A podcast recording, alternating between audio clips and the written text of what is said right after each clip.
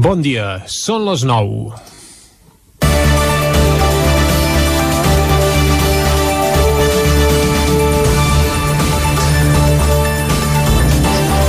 Quadre tornen a estar en el punt de mira després d'una setmana de manifestacions amb violència als carrers de tot Catalunya. Ahir la tensió va baixar, però dissabte es van veure imatges del tot insòlites quan concentracions legítimes per demanar la llibertat d'expressió i l'alliberament de Pablo Hasél van acabar derivant en pillatge de botigues, sense eufemismes, robatoris, o també en atacs a espais que són patrimoni de tots, com el Palau de la Música Catalana. No crec ni que el mateix Hasél s'atrevís a llançar rocs contra els murals i els vidres vidres del Palau. I la policia, de nou, a l'ull de l'huracà. Uns els acusen de provocar-ho tot i d'altres de passivitat. I el cos dels Mossos, a més, està molest i ja no ho dissimula. A través dels seus portaveus sindicals ja han deixat clar que es queixen de la reacció de la cúpula política del departament quan després de l'atac a la comissaria de Vic, per exemple, un dels episodis més lamentables i sorprenents dels darrers dies, Interior no s'apressés amb més contundència, no s'expressés, volem dir, amb més contundència a l'hora de denunciar els fets ni prengués mesures concretes per evitar que torni a passar. També en plenes negociacions per a la futura investidura d'un govern es queixen per les exigències de la CUP, que demana en les negociacions per a la investidura la prohibició de projectils de foam, la dimissió del conseller Samper, la dissolució de la Brimo i un canvi de model de seguretat. Els Mossos també temen que els partits polítics acceptin extrems que després siguin inviables d'aplicar i acabin perjudicant perjudicant el cos policial de Catalunya. Però i els ciutadans? Perquè aquí qui rep sempre acaba sent la baula més feble. On acaba i on comença el que per alguns és el legítim ús de la força per reprimir segons quines accions? Si hi ha errors, cal transparència i depurar responsabilitats. I sí, segurament també cal redefinir aspectes i millorar protocols i maneres d'actuar, però lamentar-se quan el mal ja està fet no serveix. I més policia, més duresa i més repressió, com reclamen alguns, ja s'ha demostrat que no és el camí ni a mig ni a llarg termini. El que cal és més educació, més cultura, més feina, més llibertat i més dignitat per tothom. Quan arribi aquest dia, potser fins i tot serà el moment de plantejar-se si cal o no tenir un model de policia com el que tenim actualment. Mentrestant, seguirem posant pedaços i a resar perquè ningú prengui mal. Comença Territori 17, a la sintonia del 9 FM, la veu de Sant Joan, Ona Codinenca, Ràdio Cardedeu i el 9 TV. Territori 17, amb Vicenç Vigues i Jordi Sunyer.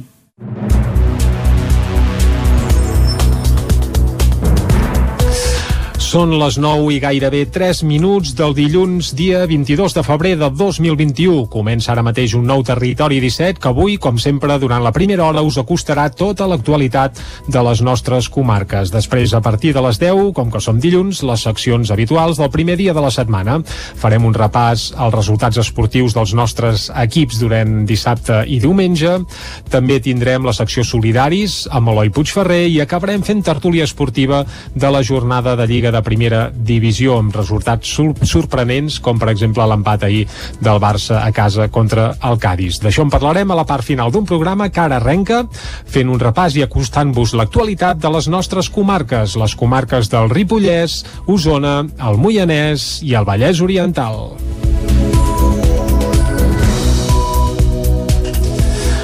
El Procicat manté una setmana més les restriccions actuals, però permet reprendre extraescolars i lleure pels més petits. El Procicat ha decidit mantenir set dies més la totalitat de les restriccions fins ara vigents, però sí que ha aprovat una certa flexibilització d'algunes mesures que afecten els més petits. A partir d'aquest dilluns s'autoritzen les activitats extraescolars de tot tipus i l'esport escolar, així com les activitats de l'àmbit del lleure educatiu dirigides a infants d'educació infantil i primària.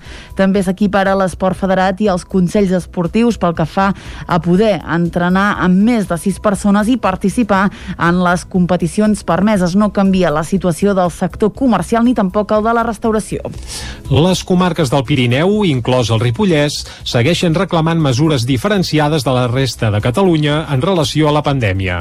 Isaac Muntades, des de la veu de Sant Joan. Aquest passat dijous, diversos representants d'ajuntaments i consells comarcals del Pirineu es van reunir de forma telemàtica per per plantejar una sèrie de mesures a la Generalitat de Catalunya per relaxar algunes de les restriccions provocades per la Covid-19 en aquesta zona del territori català. Entre els assistents a la reunió hi havia el president del Consell Comarcal, Joaquim Colomer, que es va queixar que haguessin arribat poques compensacions al Ripollès pels sectors més afectats per la pandèmia, sobretot arran del confinament perimetral de les festes de Nadal. El president de l'ENS va posar dos sectors concrets com a exemples. El sector de distribució d'aliments, encara dia d'avui doncs, no tenen resposta de cap compensació per ell. Problemàtica que tenen, per exemple, els hotels capacitats una mica elevades. En realitat, què va fer? Doncs va fer aquesta compensació de 10.000 euros i cobra 10.000 euros el que té doncs, un habitatge d'ús turístic i per tant aquest està contentíssim perquè durant dos mesos si divideixes 10.000 euros pels caps de setmana que normalment es fan servir, doncs algun d'ells comentava, hòstia, és que la Generalitat m'ha pagat a 800 euros al cap de setmana el meu habitatge, per tant estic contentíssim. En canvi, gent doncs, que té hotels de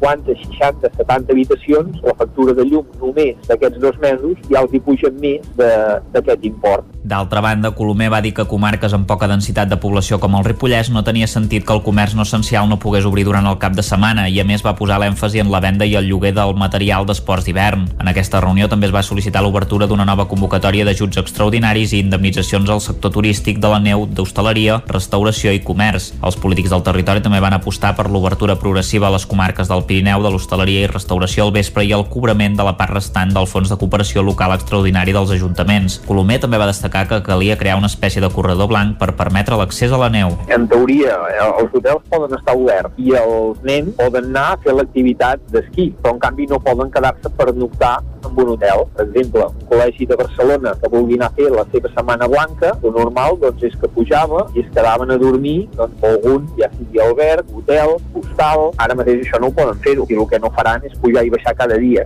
El president de l'ENS també va dir que calia permetre la mobilitat a territoris transfronterers i és que, per exemple, el govern francès té aprovat un element que es diu Conca de Vida que permet que les persones que visquin als municipis transfronterers es puguin moure 30 quilòmetres endins en els dos cantons de la frontera. Colomer va posar l'exemple d'una persona de Prats de Molló que vingués a comprar a Camprodon a gaudir d'un altre servei o a visitar la família, que ja és un fet força habitual. Tot i reconèixer que les flexibilitzacions pel que fa al retorn de les extraescolars, l'esport escolar i el lleure educatiu pels infants d'educació infantil i primària i pels entrenaments de l'esport federat són positives, Colomer va dir que no havien sabut donar resposta al territori i els havien ignorat. Com han canviat els equips de protecció individual des de l'esclat de la pandèmia? Ho ha analitzat la bigatana Berta Rubiró al seu treball de recerca de batxillerat. Una anàlisi que l'ha portat a seguir sessions telemàtiques de l'Organització Mundial de la Salut i a integrar-se a l'equip català que ha elaborat el Pla de Protecció de Sanitaris. Una de les conclusions del treball és clara. La pandèmia ha modificat els protocols a dins dels hospitals que fins al mes de març estaven eminentment encarats al personal sanitari que abans la protecció era més com només per al personal sanitari. Només es prote protegia el metge del pacient i no es protegia el pacient del metge. Ara es protegeix doncs, a tothom de tothom. Aquesta modificació va fer créixer exponencialment la demanda de material de protecció, un material que abans de la pandèmia es fabricava a la Xina, Corea i Taiwan i que durant els primers mesos de la pandèmia va escassejar arreu d'Europa. Als principis de la pandèmia, doncs els principals fabricants d'EPIs eren Xina, Taiwan i Corea. I també una mica Alemanya. I què va passar? Va venir la pandèmia i van dir això pinta malament, reservem una mica de la nostra producció. I aquí se'ns va tallar el subministre, vale? a Europa. I pànic. Doncs què va passar? Ara s'ha arreglat, vale? ja, o, o sigui, han sortit més cadenes de producció uh, arreu d'Europa, s'han adaptat fàbriques i d'això, i també bueno, pues s'ha aconseguit gestionar, saps? S'ha tingut temps per adaptar tota la cadena.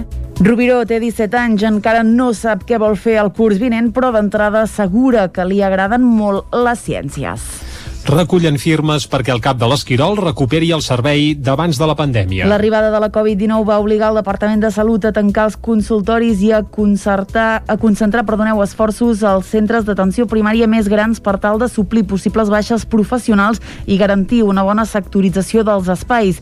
I tot i que amb el pas dels mesos la majoria han anat reobrint, a l'Esquirol el CAP ha passat d'atendre pacients 5 dies a la setmana a fer-ho 4. Segons l'alcalde de l'Esquirol, Àlex Muntanyà, per part del departament hi ha bona predisposició i la lluita de l'Ajuntament ha servit per no reduir encara més els, els horaris, tot i que ja fa temps que el poble no disposen del servei de pediatria.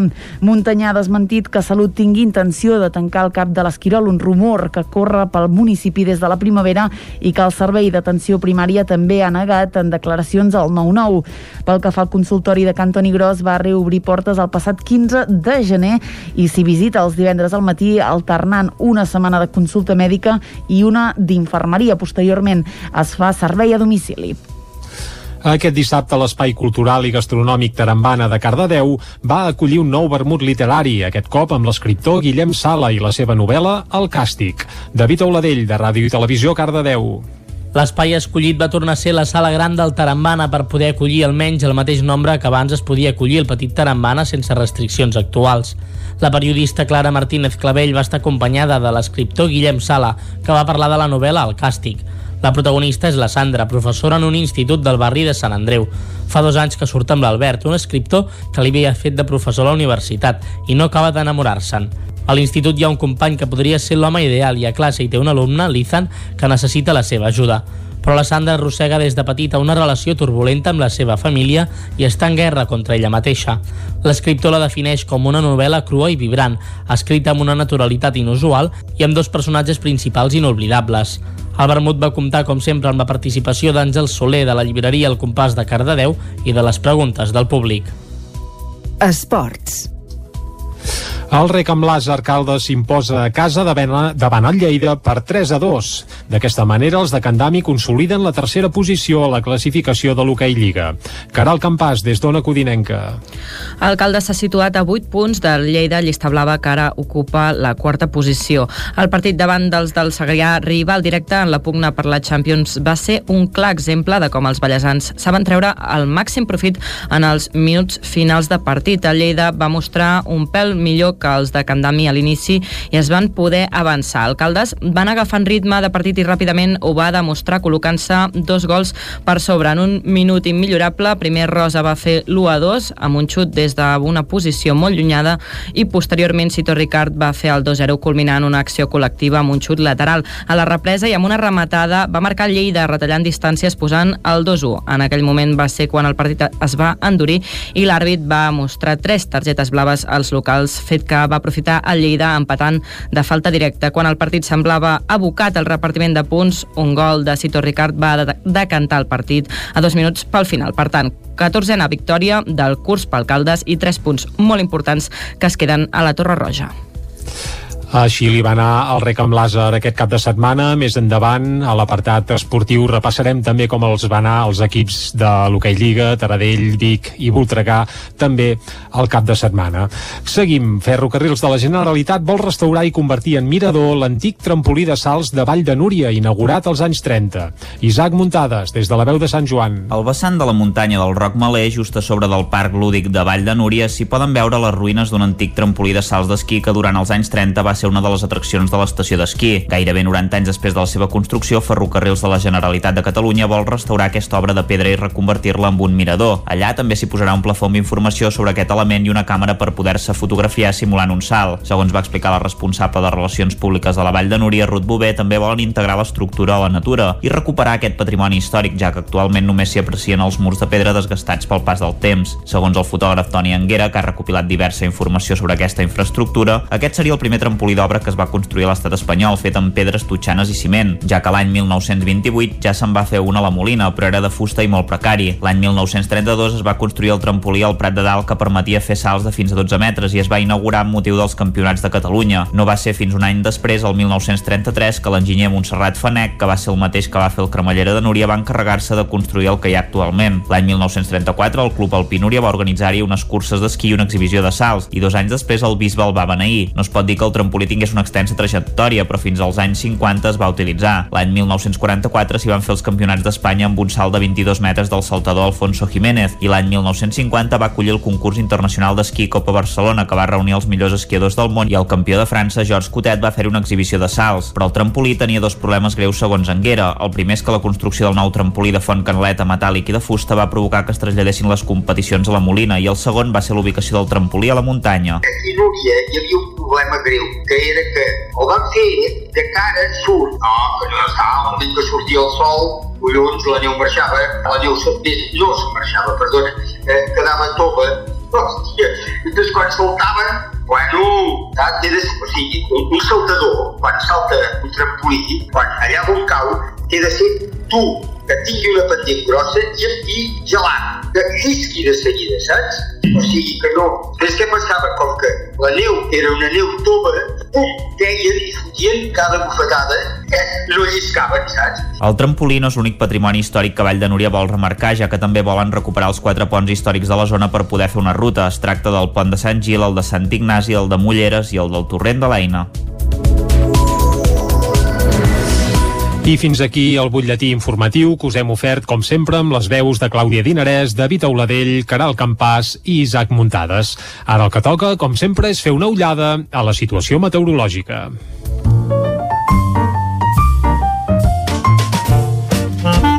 Casa Terradellos us ofereix el temps. I quan parlem del temps a Territori 17, parlem sempre amb el Pep Acosta. Molt bon dia, Pep. Hola, molt bon dia. Bon dia, per bon fi dia. és dilluns, per fi mm. comença una nova setmana, l'última ja d'aquest mes Correcte, de, febrer. de febrer. Un mes de febrer que, sens dubte, ha passat, jo diria, sense pena ni glòria. Bueno, amb una mica més de pena que de glòria. Ara, pla. Dos dies a cap de setmana bastant suaus, unes temperatures només una mica baixes a les nits, amb alguna glaçada puntual a alta muntanya. Dissabte encara amb bastanta mala visibilitat, boires a cotes baixes, però eh, el sol ha estat el gran protagonista. I ahir ja es va començar a, a veure aquesta llevantada, eh? es va començar a, a intuir aquesta llevantada, canvi de vents, vents de llevant, vents de sud, que van enterbolir el cel i mica en mica es va anar tapant. I no ha estat fins aquesta nit que ha arribat la llevantada, la petita llevantada. Uh, quines conseqüències portarà això? Anem a pams. Ha portat ja vent. Atenció als cops de vent d'ahir i avui, 40, 50, 60 km per hora. Ha portat una suavització de les temperatures i molt poc contrast tèrmic. Les mínimes han pujat, en algun lloc per sobre dels 10 graus i tot, a la majoria de les poblacions per sobre dels 10 graus, i les màximes avui no passaran dels 12, 13, 14 graus. Per tant, molt poc contrast tèrmic entre i la nit. Pluja, està portant pluja eh, fins a les 8 del matí, on més ha plogut, és cap a Viladrau, uns 15-20 litres, i sobretot cap al Pirineu, a les zones més altes del Ripollès, ja porten 25-30 litres. Aquests dos fenòmens són els més importants, eh, la pluja i aquesta eh, poc contrast tèrmic entre, entre dia i nit de les temperatures que portarà aquesta llevantada. On plourà més? Cap a la zona del Pirineu. Ripollès està previst que plogui entre 50 i 60 litres. I també cap a la zona del Montseny és on plourà més. 20, 30, 40 litres. Serà una, una regada per això a totes les nostres comarques. Convenia, fa molt temps que no, que no plou, i per tant és una pluja molt interessant i molt beneficiosa. Uh, la cota de neu, molt alta. La cota de neu està per als 2.000-2.100 metres. Nevarà a cotes altes i ho farà moderadament a la zona del Pirineu. I el vent eh, serà destacable avui durant tot el dia, eh, cops de 50-60 km per hora en alguna zona, fins i tot 70 a les zones més altes del Montseny i també del Pirineu. Aquesta llevantada, eh, les seves hores més intenses seran entre les 9 i la 1 i les 2 a tot estirar. De cara a la tarda n'hi ha de baixada, tot i que encara hi haurà alguna precipitació. Uh, important això, eh? les temperatures màximes no superaran els 13-14 graus, baixarà, lògicament, el no fer tant de sol, haver-hi molts més núvols, farà que la temperatura baixi.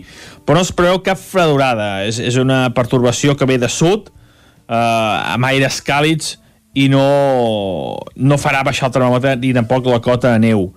I atenció, això només durarà avui, la setmana serà molt tranquil·la, amb un anticicló molt potent que se centra eh, a Europa. Eh? Tota Europa està dominada per anticicló durant tota la setmana. a excepció del dia d'avui, que és una pluja molt, molt maca la que tindrem i molt mm -hmm. beneficiosa i que convenia molt. Esperem que els pròxims dies mm, pròxims dies no, pròximes setmanes, perquè aquesta setmana no no, no, no n'hi haurà cap de, de perturbació, puguin venir més pertorbacions i pugui ploure una mica més. Moltes gràcies i ens escoltem demà. Adeu. Vinga, Pep, moltes gràcies. Moltes gràcies a tu. Nosaltres ara fem una molt breu pausa i de seguida ens n'anem cap al quiosc. Casa Tarradellas us ha ofert aquest espai. Territori 17. Envia'ns les teves notes de veu per WhatsApp al 646 079 023. 646 079 023. WhatsApp Territori 17.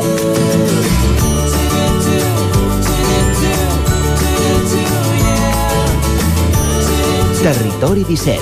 Som a Facebook, Twitter i Instagram amb l'usuari Territori 17.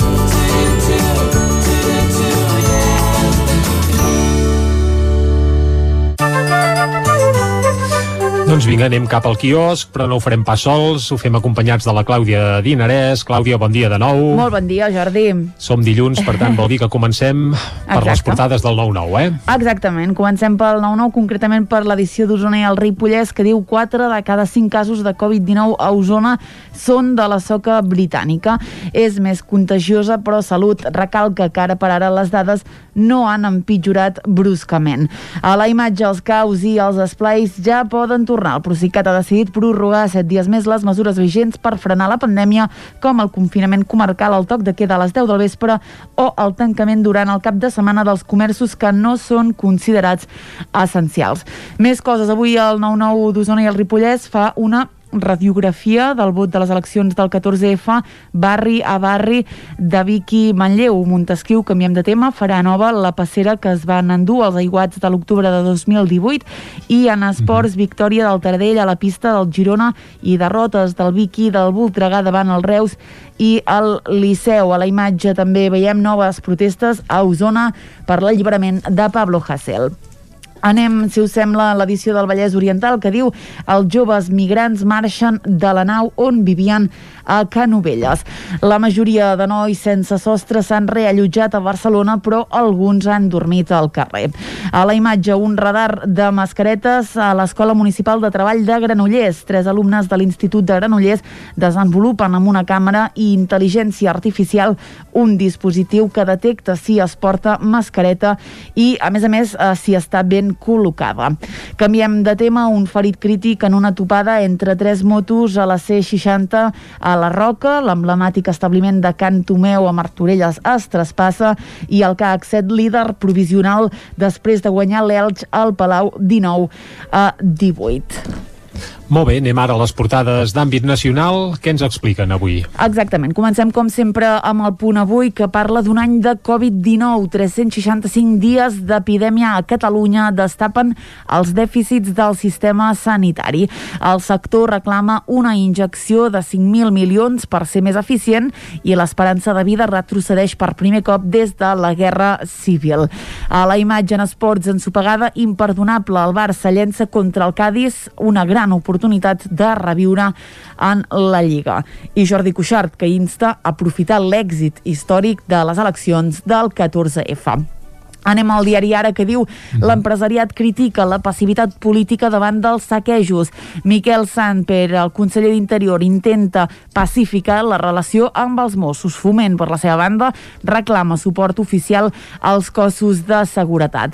A la imatge sisena nit de manifestació, a la portada de l'Ara tornem a veure Cuixart, que diu urgeix als partits aprofitar els resultats del 14F i eh, continuen amb aquesta investigació que, que l'Ara ha destapat aquest cap de setmana. Diu l'Institut del Teatre avisa que l'assetjament tindrà conseqüències greus. El periòdico Sánchez prioritza la reforma de la sedició a tramitar els indults. L'executiu preveu ajornar fins a l'estiu la decisió sobre atorgar o no la gràcia als líders independentistes. A la imatge episodis violents aïllats, noves detencions i un intent puntual de saqueig en la jornada en què Foment exigeix a les administracions que actuin sense complexos i Guantánamo espera que es tanqui el penal després de 19 anys polèmics. Acabem les portades catalanes amb la Vanguardia que diu les empreses acusen el govern de la Tèbia condemna els aldarulls. Foment uneix els sectors que sumen el 23% del PIB català per exigir responsabilitats polítiques. A la imatge, la factura milionària dels saquejos. Veiem un d'aquests comerços de Barcelona amb l'aparador completament destrossat. Uh, dos titulars més i anem a Madrid. Esquerra i Junts afronten la setmana decisiva pel pacte de govern i el passaport Covid obre un debat entre l'economia i l'ètica. Anem ara a les premses d'àmbit estatal. Exactament. No, comencem, com sempre, amb el país que diu la gestió de la violència agreuja la inestabilitat a Catalunya. Dos terços dels millennials perden ingressos per la Covid i a la imatge del país hi veiem a Djokovic que diu amenaça el tro de Nadal i de Federer.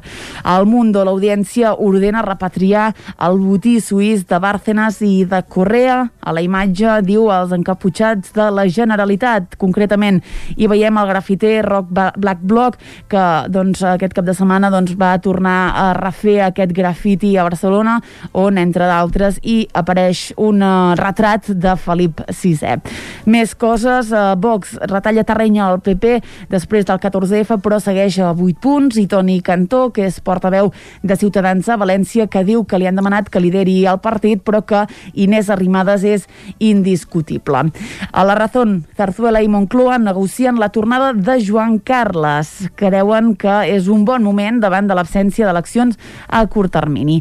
Ayuso es posa al capdavant de l'apropament amb càrrecs de Ciutadans i el Consell General del Poder Judicial està disposat a seguir amb la renovació encara que no hi hagi pacte.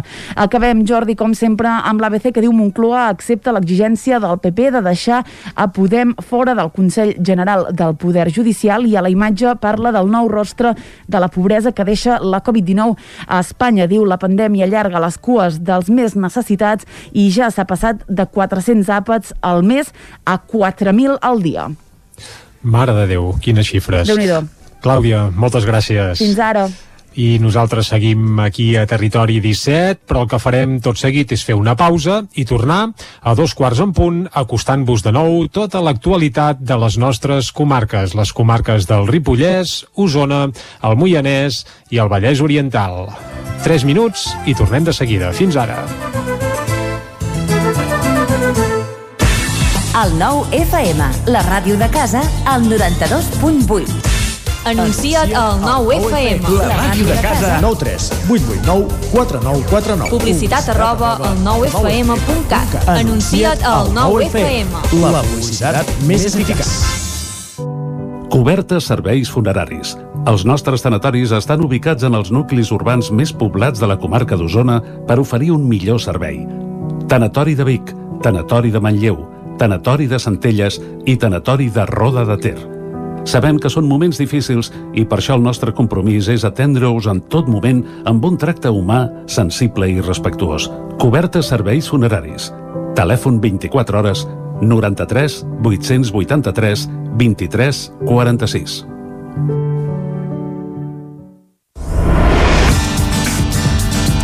El nou FM. Cocodril Club. Si t'agrada la bona música dels anys 60, 70 i 80, escolta el 9 FM als matins de dissabtes i diumenges d'11 a 1. És el temps del Cocodril Club, tot un clàssic de la ràdio, amb les bases del pop-rock, les llegendes, les cançons que s'han convertit en autèntics himnes. Recorda, dissabtes i diumenges al matí, d'11 a 1, al 9 FM 92.8. Cocodril Club, el programa revival de l'Albert Malla. Hasta luego, cocodrilo.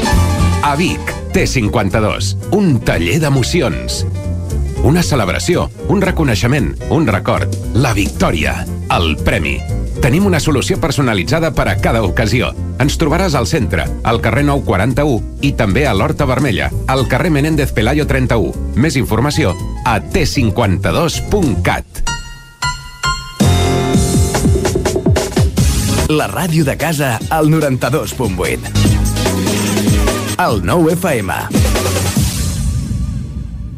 Papeta Vilaró. Menjar a domicili per a gent gran. Menús saludables i adaptats segons les seves necessitats. Per viure més temps a casa amb millor salut i qualitat de vida. Informa't-en al 931 31 71 81 o a papetavilaró.cat. Papeta Vilaró, la salut i el benestar dels nostres avis comença per cuidar el que mengen. Estudi fotogràfic. Nosaltres et lloguem el plató amb tot tipus de decorats i tu fas les fotos per només 18 euros l'hora. Per comunions, aniversaris, bucs, embarassades, nounats, suport rotatiu per fer vídeos de TikTok i molt més. Per Sant Valentí regala un val per només 18 euros i tindràs un bon record fotogràfic. Ens trobaràs al carrer de Sant Tomàs 4 de Calldetenes al telèfon 640 56 0310 i també a Instagram i a Facebook.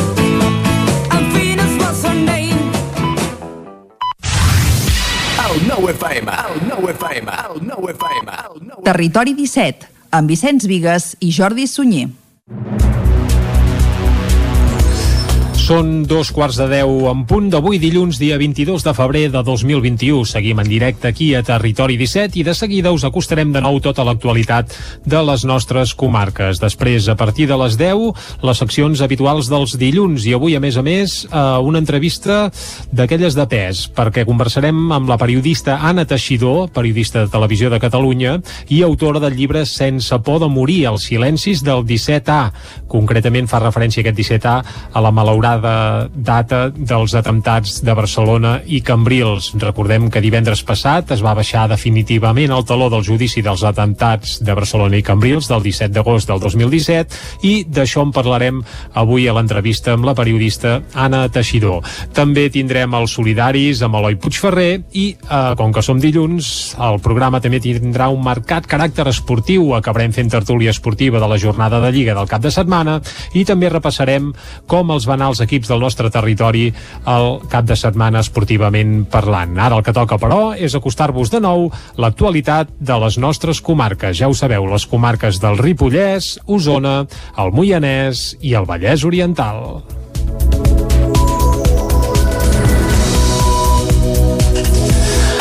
El Procicat manté una setmana més les restriccions actuals, però permet reprendre extraescolars i lleure pels més petits. El Procicat ha decidit mantenir set dies més la totalitat de les restriccions fins ara vigents, però sí que ha aprovat una certa flexibilització d'algunes mesures que afecten els més petits.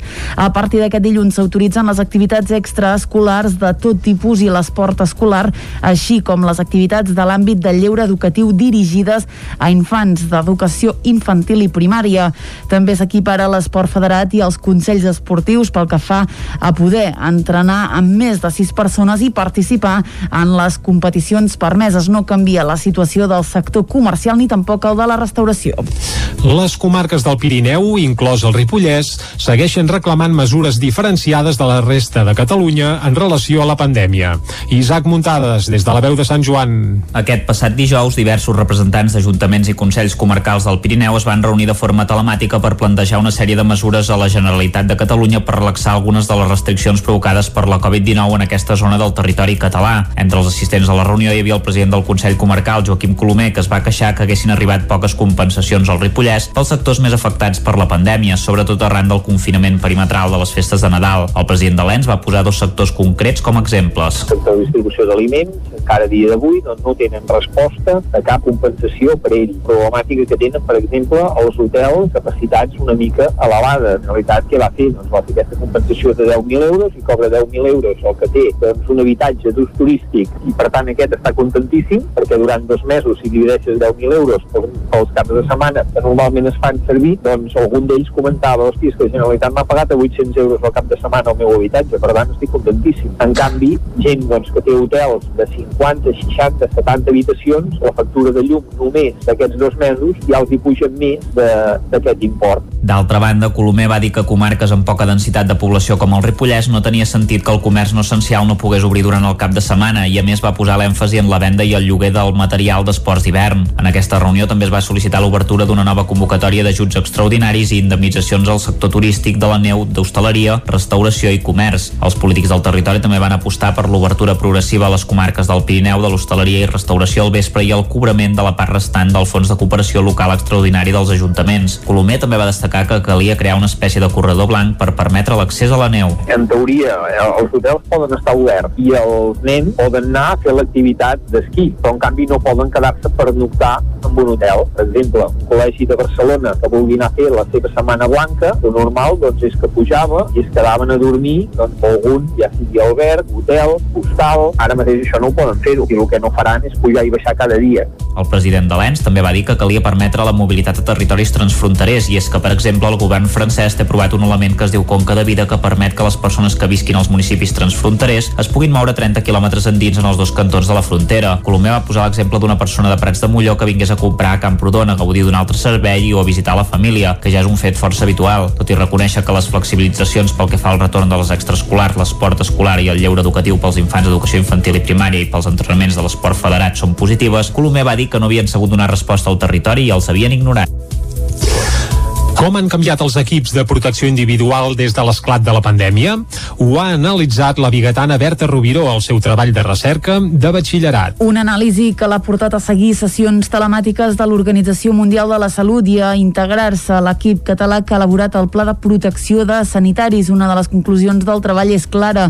La pandèmia ha modificat els protocols a dins dels hospitals que fins al mes de març estaven eminentment encarats al personal sanitari que abans la protecció era més com només per al personal sanitari. Només es prote protegia el metge del pacient i no es protegia el pacient del metge. Ara es protegeix doncs, a tothom de tothom. Aquesta modificació va fer créixer exponencialment la demanda de material de protecció, un material que abans de la pandèmia es fabricava a la Xina, Corea i Taiwan i que durant els primers mesos de la pandèmia va escassejar arreu d'Europa. Als principis de la pandèmia, doncs els principals fabricants d'EPIs eren Xina, Taiwan i Corea, i també una mica Alemanya. I què va passar? Va venir la pandèmia i van dir això pinta malament, reservem una mica de la nostra producció. I aquí se'ns va tallar el subministre, vale? a Europa. I pànic. Doncs què va passar? Ara s'ha arreglat, vale? ja, o, o sigui, han sortit més cadenes de producció o, arreu d'Europa, s'han adaptat fàbriques i d'això, i també bueno, pues s'ha aconseguit gestionar, saps? S'ha tingut temps per adaptar tota la cadena. Rubiró té 17 anys, encara no sap què vol fer el curs vinent, però d'entrada assegura que li agraden molt les ciències.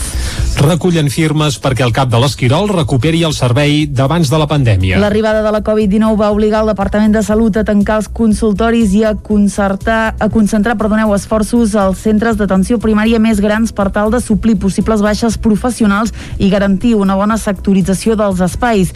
I tot i que amb el pas dels mesos la majoria han anat reobrint, a l'Esquirol el CAP ha passat d'atendre pacients 5 dies a la setmana a fer-ho 4. Segons l'alcalde de l'Esquirol, Àlex Muntanyà, per part del departament hi ha bona predisposició i la lluita de l'Ajuntament ha servit per no reduir encara més els, els horaris, tot i que ja fa temps que el poble no disposen del servei de pediatria. Muntanyà ha desmentit que Salut tingui intenció de tancar el cap de l'Esquirol, un rumor que corre pel municipi des de la primavera i que el servei d'atenció primària també ha negat en declaracions al 9-9. Pel que fa al consultori de Cantoni Gros, va reobrir portes el passat 15 de gener i s'hi visita els divendres al matí alternant una setmana de consulta mèdica i una d'infermeria. Posteriorment es fa servei a domicili. Aquest dissabte l'Espai Cultural i Gastronòmic Tarambana de Cardedeu va acollir un nou vermut literari, aquest cop amb l'escriptor Guillem Sala i la seva novel·la El Càstig. David Auladell, de Ràdio i Televisió, Cardedeu. L'espai escollit va tornar a ser la sala gran del Tarambana per poder acollir almenys el mateix nombre que abans es podia acollir el petit Tarambana sense restriccions actuals. La periodista Clara Martínez Clavell va estar acompanyada de l'escriptor Guillem Sala, que va parlar de la novel·la El Càstig. La protagonista és la Sandra, professora en un institut del barri de Sant Andreu. Fa dos anys que surt amb l'Albert, un escriptor que li havia fet de professor a la universitat i no acaba d'enamorar-se'n. A l'institut hi ha un company que podria ser l'home ideal i a classe hi té un alumne, l'Ethan, que necessita la seva ajuda. Però la Sandra arrossega des de petita una relació turbulenta amb la seva família i està en guerra contra ella mateixa. L'escriptor la defineix com una novel·la crua i vibrant, escrita amb una naturalitat inusual i amb dos personatges principals inoblidables. El vermut va comptar, com sempre, amb la participació d'Àngel Soler de la llibreria El Compàs de Cardedeu i de les preguntes del públic. Esports. El rec amb l'Àser Caldes s'imposa a casa davant el Lleida per 3 a 2. D'aquesta manera, els de Candami consoliden la tercera posició a la classificació de l'hoquei Lliga. Caral Campàs, des d'Ona Codinenca. El Caldes s'ha situat a 8 punts del Lleida, llista blava, que ara ocupa la quarta posició.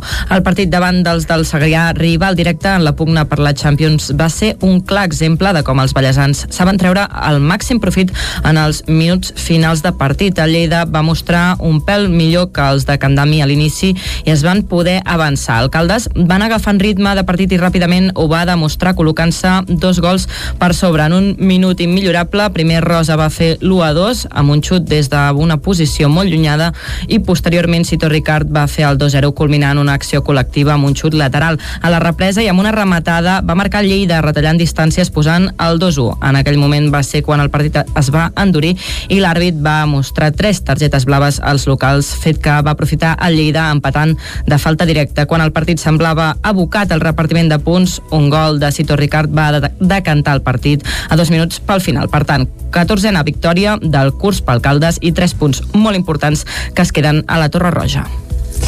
Així li va anar el rec amb l'àser aquest cap de setmana. Més endavant, a l'apartat esportiu, repassarem també com els va anar els equips de l'Hockey Lliga, Taradell, Vic i Voltregà, també al cap de setmana.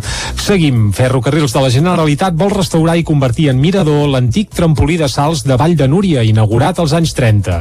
Isaac Muntades, des de la veu de Sant Joan. Al vessant de la muntanya del Roc Malé, just a sobre del Parc Lúdic de Vall de Núria, s'hi poden veure les ruïnes d'un antic trampolí de salts d'esquí que durant els anys 30 va ser una de les atraccions de l'estació d'esquí. Gairebé 90 anys després de la seva construcció, Ferrocarrils de la Generalitat de Catalunya vol restaurar aquesta obra de pedra i reconvertir-la en un mirador. Allà també s'hi posarà un plafó amb informació sobre aquest element i una càmera per poder-se fotografiar simulant un salt. Segons va explicar la responsable de Relacions Públiques de la Vall de Núria, Ruth Bové, també volen integrar l'estructura a la natura i recuperar aquest patrimoni històric, ja que actualment només s'hi aprecien els murs de pedra desgastats pel pas del temps. Segons el fotògraf Toni Anguera, que ha recopilat diversa informació sobre aquesta infraestructura, aquest seria el primer trampolí d'obra que es va construir a l'estat espanyol, fet amb pedres totxanes i ciment, ja que l'any 1928 ja se'n va fer una a la Molina, però era de fusta i molt precari. L'any 1932 es va construir el trampolí al Prat de Dalt que permetia fer salts de fins a 12 metres i es va inaugurar amb motiu dels campionats de Catalunya. No va ser fins un any després, el 1933, que l'enginyer Montserrat Fanec, que va ser el mateix que va fer el cremallera de Núria, va encarregar-se de construir el que hi ha actualment. L'any 1934 el Club Alpí Núria va organitzar-hi unes curses d'esquí i una exhibició de salts, i dos anys després el bisbe el va beneir. No es pot dir que el trampolí tingués una extensa trajectòria, però fins als anys 50 es va utilitzar. L'any 1944 s'hi van fer els campionats d'Espanya amb un salt de 22 metres del saltador Alfonso Jiménez i l'any 1950 va acollir el concurs internacional d'esquí Copa Barcelona que va reunir els millors esquiadors del món i el campió de França, Georges Cotet, va fer una exhibició de salts. Però el trampolí tenia dos problemes greus segons Anguera. El primer és que la construcció del nou trampolí de font canaleta metàl·lic i de fusta va provocar que es traslladessin les competicions a la Molina i el segon va ser l'ubicació del trampolí a la muntanya. A hi havia un problema greu, que era que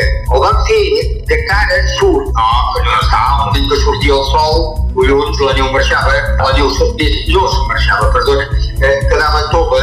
Hòstia, doncs quan saltaven, bueno, saps, era, o sigui, un, un saltador, quan salta un trampolí, quan allà on cau, té de ser tu, que tingui una pendent grossa i estigui gelat, que llisqui de seguida, saps?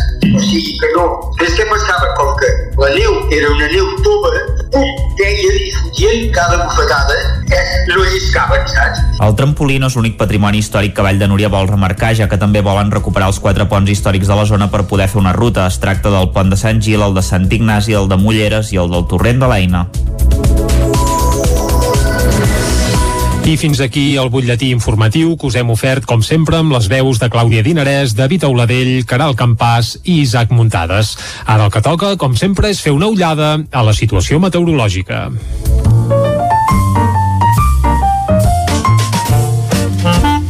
Casa Terradellos us ofereix el temps. I quan parlem del temps a Territori 17, parlem sempre amb el Pep Acosta. Molt bon dia, Pep. Hola, molt bon dia. Bon dia, per bon fi dia. és dilluns, per fi mm. comença una nova setmana la última ja d'aquest mes Correcte, de, febrer, de febrer. un mes de febrer que sens dubte ha passat, jo diria, sense pena ni glòria, bueno, amb una mica més de pena que de glòria. Ara. Dos dies de cap de setmana bastant suaus, unes temperatures només mica baixes a les nits, amb alguna glaçada puntual a alta muntanya. Dissabte encara amb bastanta mala visibilitat, boires a cotes baixes, però eh, el sol ha estat el gran protagonista. I ahir ja es va començar a, a veure aquesta llevantada, eh? es va començar a, a intuir aquesta llevantada, canvi de vents, vents de llevant, vents de sud, que van enterbolir el cel i mica en mica es van anar tapant. I no ha estat fins aquesta nit que ha arribat la llevantada, la petita llevantada. Uh, quines conseqüències portarà això? Anem a pams. Ha portat ja vent. Atenció als cops de vent d'ahir i avui, 40, 50, 60 km per hora. Ha portat una suavització de les temperatures i molt poc contrast tèrmic. Les mínimes han pujat, en algun lloc per sobre dels 10 graus i tot, a la majoria de les poblacions per sobre dels 10 graus, i les màximes avui no passaran dels 12, 13, 14 graus. Per tant, molt poc contrast tèrmic entre dia i la nit. Pluja, està portant pluja eh, fins a les 8 del matí o més ha pogut, és cap a Viladrau, uns 15-20 litres, i sobretot cap al Pirineu, a les zones més altes del Ripollès, ja porten 25-30 litres. Aquests dos fenòmens són els més importants, eh, la pluja i aquesta eh, poc contrast tèrmic entre, entre el dia i la nit de les temperatures que portarà aquesta llevantada. On plourà més? Cap a la zona del Pirineu. Ripollès està previst que plogui entre 50 i 60 litres. I també cap a la zona del Montseny és on plourà més. 20, 30, 40 litres. Serà una, una regada per això a totes les nostres comarques, convenia, fa molt temps que no, que no plou, i per tant és una pluja molt interessant i molt beneficiosa. Uh, la cota de neu, molt alta. La cota de neu està per als 2.000-2.100 metres. Nevarà a cotes altes i ho farà moderadament a la zona del Pirineu. I el vent eh, serà destacable avui durant tot el dia, eh, cops de 50-60 km per hora en alguna zona, fins i tot 70 a les zones més altes del Montseny i també del Pirineu. Aquesta llevantada, eh, les seves hores més intenses seran entre les 9 i la 1 i les 2 a tot estirar. De cara a la tarda n'hi ha de baixada, tot i que encara hi haurà alguna precipitació. Uh, important això, eh? les temperatures màximes no superaran els 13-14 graus, baixarà, lògicament, el no fer tant de sol, haver-hi molts més núvols, farà que la temperatura baixi. Però no es preveu cap fredurada, és, és una pertorbació que ve de sud, eh, amb aires càlids, i no, no farà baixar el termòmetre ni tampoc la cota de neu. I atenció, això només durarà avui, la setmana serà molt tranquil·la, amb un anticicló molt potent que se centra eh, a Europa. Eh? Tota Europa està dominada per anticicló durant tota la setmana, a excepció del dia d'avui, que és una pluja molt, molt maca la que tindrem i molt mm -hmm. beneficiosa i que convenia molt. Esperem que els pròxims dies mm, pròxims dies no, pròximes setmanes, perquè aquesta setmana no no, no, no n'hi haurà cap de, de perturbació, puguin venir més pertorbacions i pugui ploure una mica més. Moltes gràcies i ens escoltem demà. Adeu. Vinga, Pep, moltes gràcies. Moltes gràcies a tu. Nosaltres ara fem una molt breu pausa i de seguida ens n'anem cap al quiosc. Casa Tarradellas us ha ofert aquest espai. Territori 17. Envia'ns les teves notes de veu per WhatsApp al 646 079 023. 646 079 023. WhatsApp Territori 17.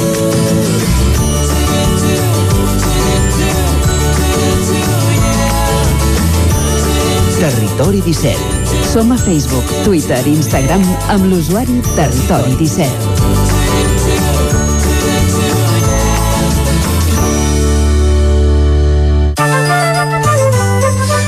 Doncs vinga, anem cap al quiosc, però no ho farem pas sols, ho fem acompanyats de la Clàudia Dinarès. Clàudia, bon dia de nou. Molt bon dia, Jordi. Som dilluns, per tant, vol dir que comencem per Exacte. les portades del 9-9, eh? Exactament, comencem pel 9-9, concretament per l'edició d'Osona i el Ripollès, que diu 4 de cada 5 casos de Covid-19 a Osona són de la soca britànica.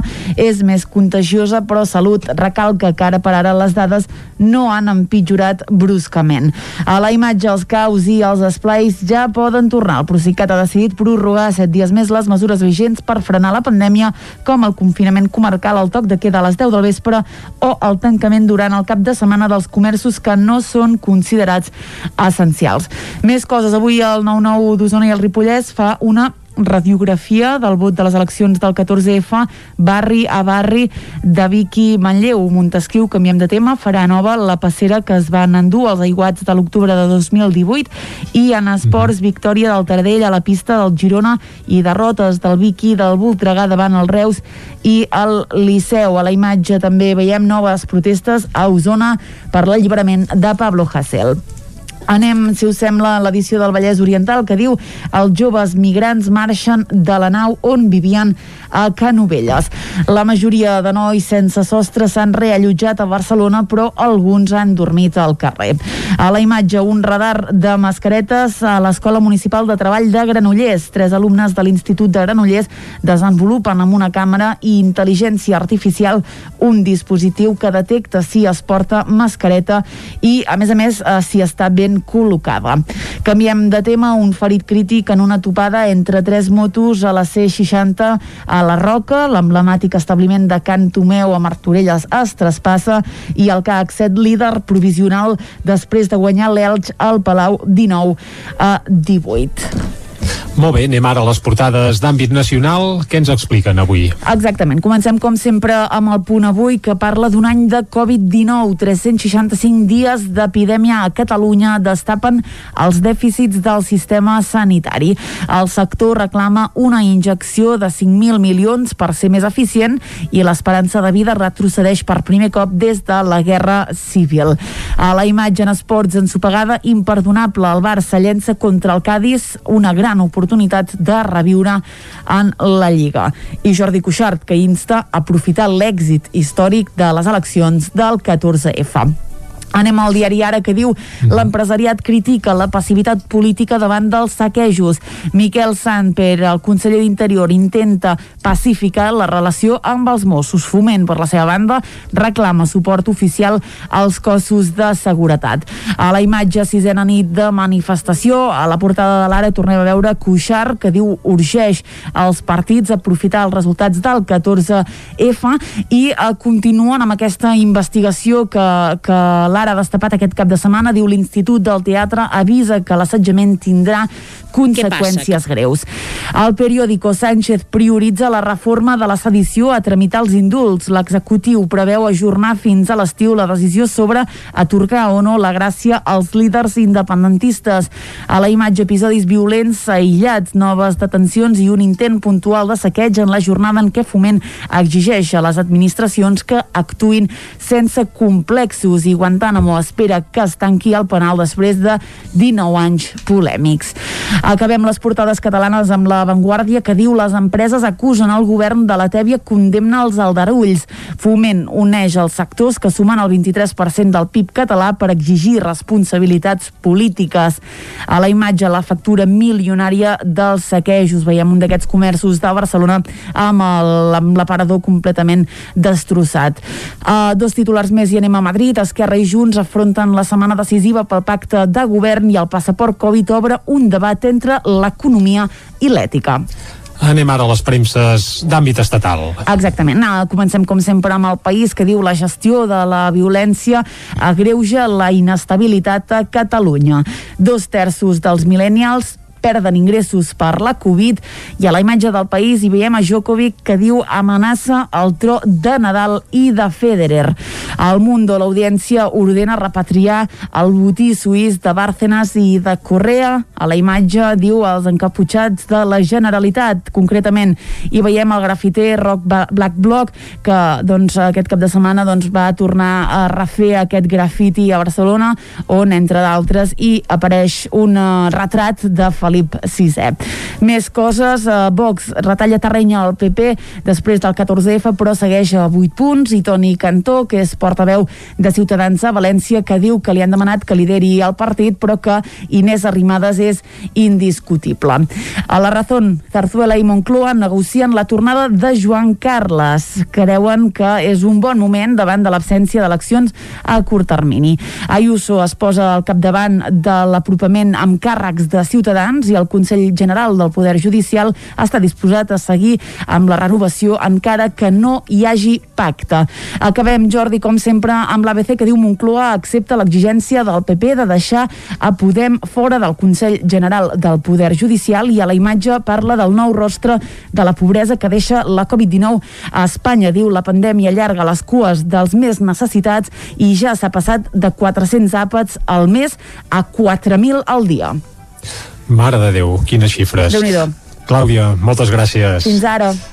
Molt bé, doncs després de fer el repàs que fem habitualment a les portades de la premsa, obrim el bloc musical. Com cada dia, eh, fins a arribar al punt de les 10, us acostem alguna cançó, alguna estrena o... Bé, avui serà un tema relacionat amb el temps en què ens trobem. Per què? Doncs perquè hem volgut repescar una cançó del repertori de Gossos, recordem-ho, aquesta banda manresana amb bateria usonenc, el Santi Serratosa, que ara actualment estan congelats indefinidament, és a dir, van plegar veles ja fa un parell d'anys amb un concert a l'Auditori de Barcelona, del qual també se'n va editar un disc, però eh, avui no volem repescar res d'aquell darrer disc, sinó una cançó que es titula Sol de febrer.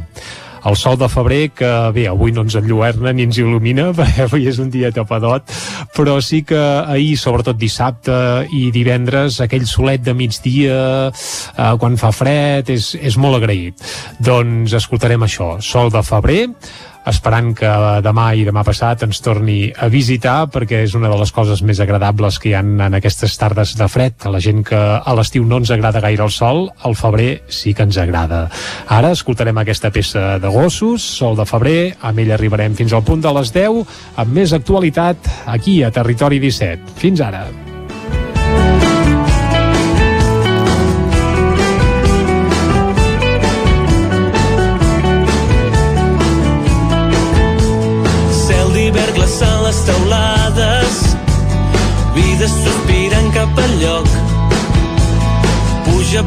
Poc les escales. Potser avui serà l'últim cop. I damunt la taula hi ha dos gots de vi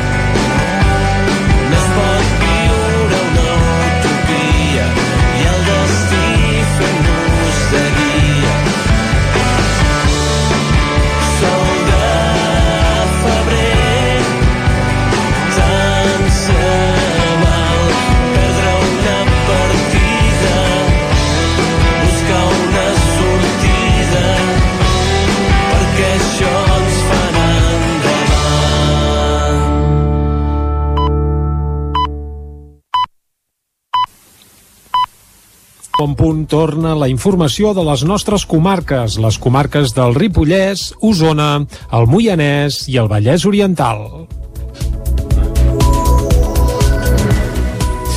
L'Ajuntament de Granollers ha obert una investigació per saber què va passar un vespre de la setmana passada al carrer Museu, al centre de la ciutat. La CUP de Granollers va difondre un vídeo en què es veuen dos agents amb un home estirat al terra. David Auladell, de Ràdio i Televisió, Cardedeu. El consistori ha emès un comunicat en què expliquen que els dos agents es van desplaçar a la zona al davant del Cap Vallès després de rebre l'avís de diverses persones que havien patit amenaces per part d'una persona que presentava estat d'embriagadesa. En aquest sentit, el consistori afegeix que la policia local fa dies que ha estat rebent queixes sobre el comportament d'un home que provoca aldarulls a la via pública. També diuen que el regidor de Seguretat Ciutadana ha demanat un informe a la policia local per investigar aquest cas. La CUP Granollers va reaccionar amb un altre comunicat, titllant d'abús policial i omissió del deure d'ajut als fets. La formació assegura que l'home es trobava estirat i murmurava, entre altres coses, ser atès mèdicament. Afegeixen que els dos agents de la policia local van arrossegar l'home uns 20 metres i el van llançar a terra amb violència.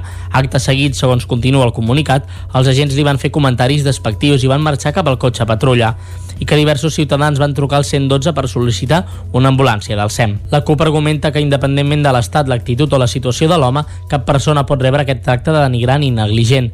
Els grups d'Esquerra i Junts a l'Ajuntament també han demanat explicacions a l'equip de govern. Després que dilluns s'assignés l'acord entre el comitè i la direcció de Girbau per retirar, per retirar l'ERO, es comença a aplicar un ERTO. Un ERTO que afecta la totalitat de la plantilla, exceptuant la direcció. Té una durada màxima de 3 mesos fins al 15 de maig i té una afectació eh, màxima de 6 dies, per més el que suposa una reducció d'entre un 20 i un 30% de la jornada.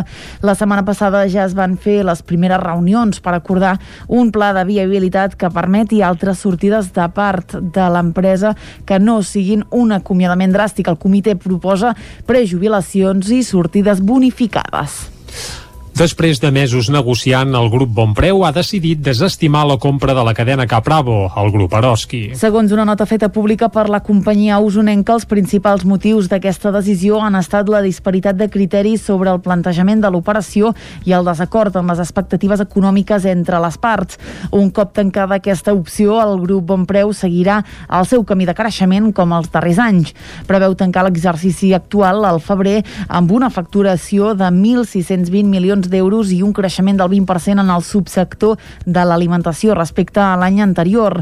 El seu pla inversor per aquest 2021 és de destinar més de 145 milions d'euros a 11 nous establiments Bonpreu i Esclat, a nous centres logístics, a l'expansió del servei de compra per internet i a la comercialització d'energia elèctrica. 50 persones assisteixen a la presentació del documental de matinada a Caldes de Montbui. Caral Campàs, des d'Ona Codinenca.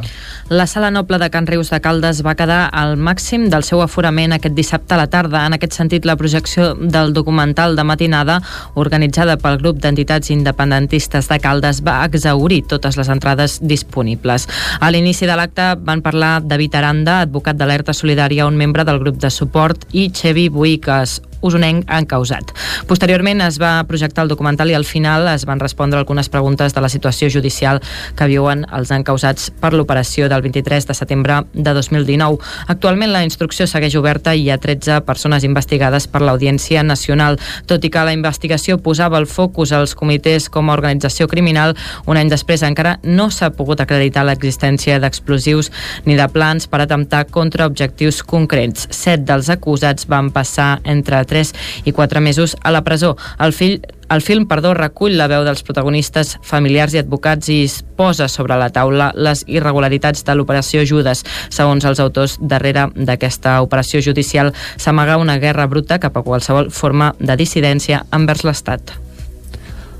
L'Ajuntament de Vic posa en marxa un programa de mentoria per fomentar la cohesió social a través de la llengua. Héctor Cruz, de 32 anys i originari de Saragossa, fa dos anys que viu a Vic. Ara surt als plafons que engalanen la Biblioteca Joan Triadú i que anuncien el nou projecte lingüístic que ha impulsat l'Ajuntament de Vic. Ell hi participa com a mentor i alumne, una afició que compagina amb la seva professió com a metge neuròleg al Consorci Hospitalari de Vic. El seu és un dels exitosos exemples exemples que ha anat recollint el Consorci per la Normalització Lingüística d'Osona des dels seus inicis. Jo fa un any eh, no sabia escriure, ara ja sé una mica escriure, eh, i, és un, i penso que és una forma boníssima i molt divertida i molt bidireccional per, eh, per aprendre, per aprendre la llengua, per aprendre expressions i, i sobretot que, te, que et posis dins de, dintre, de, dintre del lloc que estàs vivint. A partir d'ara també participarà en el nou programa de mentoria que l'Ajuntament de Vic impulsa per fomentar la cohesió a través de la llengua.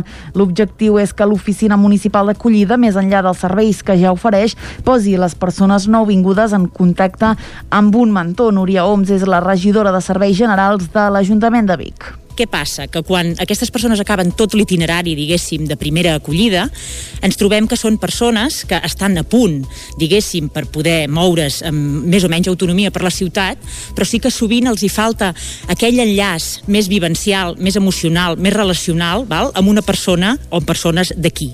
El nou programa vol donar un nou impuls al projecte de parelles lingüístiques que el Consorci per la Normalització Lingüística d'Osona va impulsar l'any 2003 i que fins ara ha acollit a més de 270.000 usuaris. Ferrocarrils de la Generalitat vol restaurar i convertir en mirador l'antic trampolí de salts de Vall de Núria, inaugurat als anys 30. Isaac Muntades, des de la veu de Sant Joan. Al vessant de la muntanya del Roc Malé, just a sobre del Parc Lúdic de Vall de Núria, s'hi poden veure les ruïnes d'un antic trampolí de salts d'esquí que durant els anys 30 va ser una de les atraccions de l'estació d'esquí. Gairebé 90 anys després de la seva construcció, Ferrocarrils de la Generalitat de Catalunya vol restaurar aquesta obra de pedra i reconvertir-la en un mirador. Allà també s'hi posarà un plafó amb informació sobre aquest element i una càmera per poder-se fotografiar simulant un salt. Segons va explicar la responsable de Relacions Públiques de la Vall de Núria, Ruth Bové, també volen integrar l'estructura a la natura i recuperar aquest patrimoni històric, ja que actualment només s'hi aprecien els murs de pedra desgastats pel pas del temps. Segons el fotògraf Toni Anguera, que ha recopilat diversa informació sobre aquesta infraestructura, aquest seria el primer trampolí d'obra que es va construir a l'estat espanyol, fet amb pedres totxanes i ciment, ja que l'any 1928 ja se'n va fer una a la Molina, però era de fusta i molt precari. L'any 1932 es va construir el trampolí al Prat de Dalt que permetia fer salts de fins a 12 metres i es va inaugurar amb motiu dels campionats de Catalunya. No va ser fins un any després, el 1933, que l'enginyer Montserrat Fanec, que va ser el mateix que va fer el Cremallera de Núria, va encarregar-se de construir el que hi ha actualment. L'any 1934, el Club Alpí Núria va organitzar-hi unes curses d'esquí i una exhibició de salts, i dos anys després el bisbe el va beneir. No es pot dir que el trampolí tingués una extensa trajectòria, però fins als anys 50 es va utilitzar. L'any 1944 s'hi van fer els campionats d'Espanya amb un salt de 22 metres del saltador Alfonso Jiménez, i l'any 1950 va acollir el concurs internacional d'esquí Copa Barcelona que va reunir els millors esquiadors del món i el campió de França, Georges Cotet, va fer una exhibició de salts, però el trampolí tenia dos problemes greus segons Anguera. El primer és que la construcció del nou trampolí de font canaleta metàl·lic i de fusta va provocar que es traslladessin les competicions a la Molina i el segon va ser l'ubicació del trampolí a la muntanya. Aquí Núria hi havia un problema greu, que era que el van fer de cara surt, no, que no estava el moment que sortia el sol, collons, la neu marxava, la neu més, no se marxava, perdona, eh, quedava tova, hòstia, i després quan saltava, bueno, saps, de, o sigui, un, un saltador, quan salta un trampolí, quan allà on cau, té de ser tu, que tingui pendent grossa i, i gelat, que llisqui de seguida, saps? O sigui que no. És que passava, com que la neu era una neu tova, pum, deien i fotien cada bufetada, eh, no lliscaven, saps? El trampolí no és l'únic patrimoni històric que Vall de Núria vol remarcar, ja que també volen recuperar els quatre ponts històrics de la zona per poder fer una ruta. Es tracta del pont de Sant Gil, el de Sant Ignasi, el de Mulleres i el del Torrent de l'Eina. I fins aquí el butlletí informatiu de les 10 del matí que us hem ofert amb les veus de Clàudia Dinarès, David Auladell, Caral Campàs i Isaac Muntades. Ara el que toca és refrescar la informació meteorològica per saber el temps que ens espera per a les properes hores. De moment, avui ens hem llevat relativament remullats. De seguida ens explicarà com ho tenim el Pep Acosta.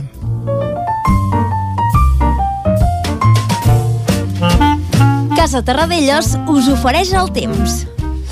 Doncs vinga, l'hem saludat a primera hora del matí, ara hi tornem. Pep, molt bon dia.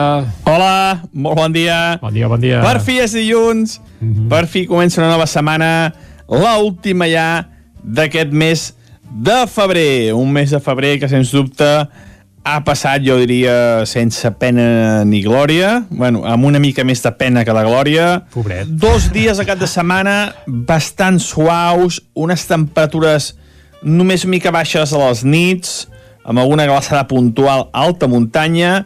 Dissabte encara amb bastanta mala visibilitat, boires a cotes baixes, però eh, el sol ha estat el gran protagonista. I ahir ja es va començar eh, a veure aquesta llevantada, eh? es va començar eh, a intuir aquesta llevantada, canvi de vents, vents de llevant, vents de sud, que van enterbolir el cel i mica en mica es va anar tapant. I no ha estat fins aquesta nit que ha arribat la llevantada, la petita llevantada. Uh, quines conseqüències portarà això? Anem a pams. Digues. Ha portat ja vent. Atenció als cops de vent d'ahir i avui, 40, 50, 60 km per hora. Ha portat una suavització de les temperatures i molt poc contrast tèrmic. Les mínimes han pujat, en algun lloc per sobre dels 10 graus i tot, a la majoria de les poblacions per sobre dels 10 graus, i les màximes avui no passaran dels 12, 13, 14 graus. Per tant, molt poc contrast tèrmic entre dia i la nit. Pluja, està portant pluja eh, fins a les 8 del matí o més ha pogut, és cap a Viladrau, uns 15-20 litres, i sobretot cap al Pirineu, a les zones més altes del Ripollès, ja porten 25-30 litres. Aquests dos fenòmens són els més importants, eh, la pluja i aquesta eh, poc contrast tèrmic entre, entre el dia i la nit de les temperatures que portarà aquesta llevantada. On plourà més? Cap a la zona del Pirineu. Ripollès està previst que plogui entre 50 i 60 litres. I també cap a la zona del Montseny és on plourà més. 20, 30, 40 litres. Serà una, una regada per això a totes les nostres comarques, convenia, fa molt temps que no, que no plou, i per tant és una pluja molt interessant i molt beneficiosa. Uh, la cota de neu, molt alta. La cota de neu està per als 2.000-2.100 metres. Nevarà a cotes altes i ho farà moderadament a la zona del Pirineu. I el vent serà destacable avui durant tot el dia, eh, cops de 50-60 km per hora en alguna zona, fins i tot 70 a les zones més altes del Montseny i també del Pirineu. Aquesta llevantada, eh, les seves hores més intenses seran entre les 9 i la 1 i les 2 a tot estirar. De cara a la tarda n'hi ha de baixada, tot i que encara hi haurà alguna precipitació. Uh, important això, eh? les temperatures màximes no superaran els 13-14 graus, baixarà, lògicament, el no fer tant de sol, haver-hi molts més núvols, farà que la temperatura baixi. Però no es preveu cap fredurada, és, és una pertorbació que ve de sud, eh, amb aires càlids, i no, no farà baixar el termòmetre ni tampoc la cota de neu. I atenció, eh, això només durarà avui, la setmana serà molt tranquil·la, amb un anticicló molt potent que se centra a Europa. Eh? Tota Europa està dominada per anticicló durant tota la setmana, a excepció del dia d'avui, que és una pluja molt, molt maca la que tindrem i molt beneficiosa i que convenia molt. Esperem que els pròxims dies mm, pròxims dies no, les pròximes setmanes, perquè aquesta setmana no n'hi no, no, no haurà cap de, de perturbació, puguin venir més pertorbacions i pugui ploure una mica més. Moltes gràcies i ens escoltem demà. Adeu. Vinga, Pep, moltes gràcies a tu. Uh, estarem al cas d'avui, que serà un dia passat per aigua, ja ens ho has deixat ben clar, i a partir de demà sembla que s'acosta o s'atansa una setmana uh, de relativa tranquil·litat marcada per anticicló, però t'escoltarem i ens ho acostes com fas sempre aquí a Territori 17. Ara fem una breu pausa i de seguida parlem del judici dels atemptats de Barcelona i Cambrils del 17 d'agost de 2017. En parlem de seguida amb la periodista Anna Teixidor. Fins ara. Casa Tarradellas us ha ofert aquest espai. Territori 17. Envia'ns les teves notes de veu per WhatsApp al 646 079 023. 646 079 023. WhatsApp Territori 17.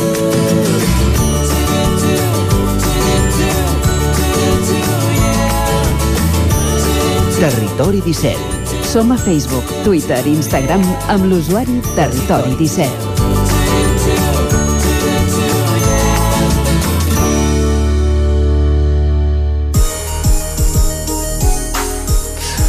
Un quart d'onze del matí d'avui, dilluns, dia 22 de febrer de 2021. Fa aproximadament tres mesos va eh, començar el judici pels atemptats de Barcelona i Cambrils del 17 d'agost del 2017 a l'Audiència Nacional de Barcelona. Divendres passat es va baixar definitivament el taló d'aquest judici. El president del tribunal, el jutge Fèlix Alonso Guevara, va pronunciar l'esperat vist per sentència després que els tres acusats, Mohamed Houli, Drizou Kabir i Said Ben Liaza, utilitzessin el torn d'última paraula durant poc més de 5 minuts i posessin el punt i final a un judici judici que ha tingut els seus moments àlgids, però que no se sap si serviré, si servirà perdó, per esclarir tota la veritat. Uh, tindrem més detalls de seguida amb l'Isaac Muntades des de la veu de Sant Joan. Isaac, molt bon dia. Molt bon dia, Jordi. Doncs sí, avui tenim al telèfon una persona que ha seguit el judici des de Madrid de forma presencial durant les 32 sessions que ha durat. Ella és la periodista i historiadora autora del llibre Sense por de morir als silencis del 17A. Ella és l'Anna Teixidor. Bon dia, Anna, i moltes gràcies per atendre'ns, que sabem que aquests dies has anat de bòlit doncs, per, al, per aquest final del judici. Hola, bon dia, un plaer estar aquí amb vosaltres avui. Primer de tot, Anna, si et sembla bé, comencem pel final, pel més recent. Uh, no sé quina creus que serà la sentència després d'haver seguit tot uh, el judici, si la tindrem aviat, i també et volia preguntar una cosa concreta de l'últim torn de paraula, en què Mohamed Huli va dir que no havia vist mai uh, a Drisu Kabir al xalet del Canà. No sé si et va sorprendre aquesta afirmació. Sí, de fet, Mohamed Houli sempre ha sigut molt prudent a l'hora de donar noms, Uh, això ho veus quan llegeixes les transcripcions de les sis declaracions que va fer davant dels Mossos d'Esquadra i després davant del jutge instructor. Ell en tot moment es mostra prudent i finalment no donarà uh, explícitament els noms, sinó que serà el jutge que en una de les declaracions dirà que els seus companys estan morts. Per tant, no és estrany que ell exclogui dels membres que formaven part del grup Adriso Kabir. Uh, en tot cas, com deies, uh, el que fons judicials el que ens comenten és que el president del tribunal, que també és el, supre, el, el ponent, Félix Alfonso Guevara, doncs és una persona força resolutiva, hem pogut veure durant aquests mesos que també tenia mà de ferro, i ens deien que era tan estricte com resolutiu i que pot ser que hi hagi sentència durant, en, en un mes i mig, quan l'habitual són quatre mesos. Uh, sí que Mohamed Houli i Drisu Kabir ho tenen realment malament, Uh, Howley s'enfronta a 41 anys de presó i Bisu Kabir a uh, 36. I una altra, diferent, és la situació de Said Beniatza. Amb ell se l'acusa de col·laboració, uh, se li demanen 8 anys, perquè va deixar la seva documentació i el seu vehicle uh, a avui a CUP per adquirir materials precursors d'explosius i veurem si finalment el jutge considera que s'ha aprovat aquesta col·laboració.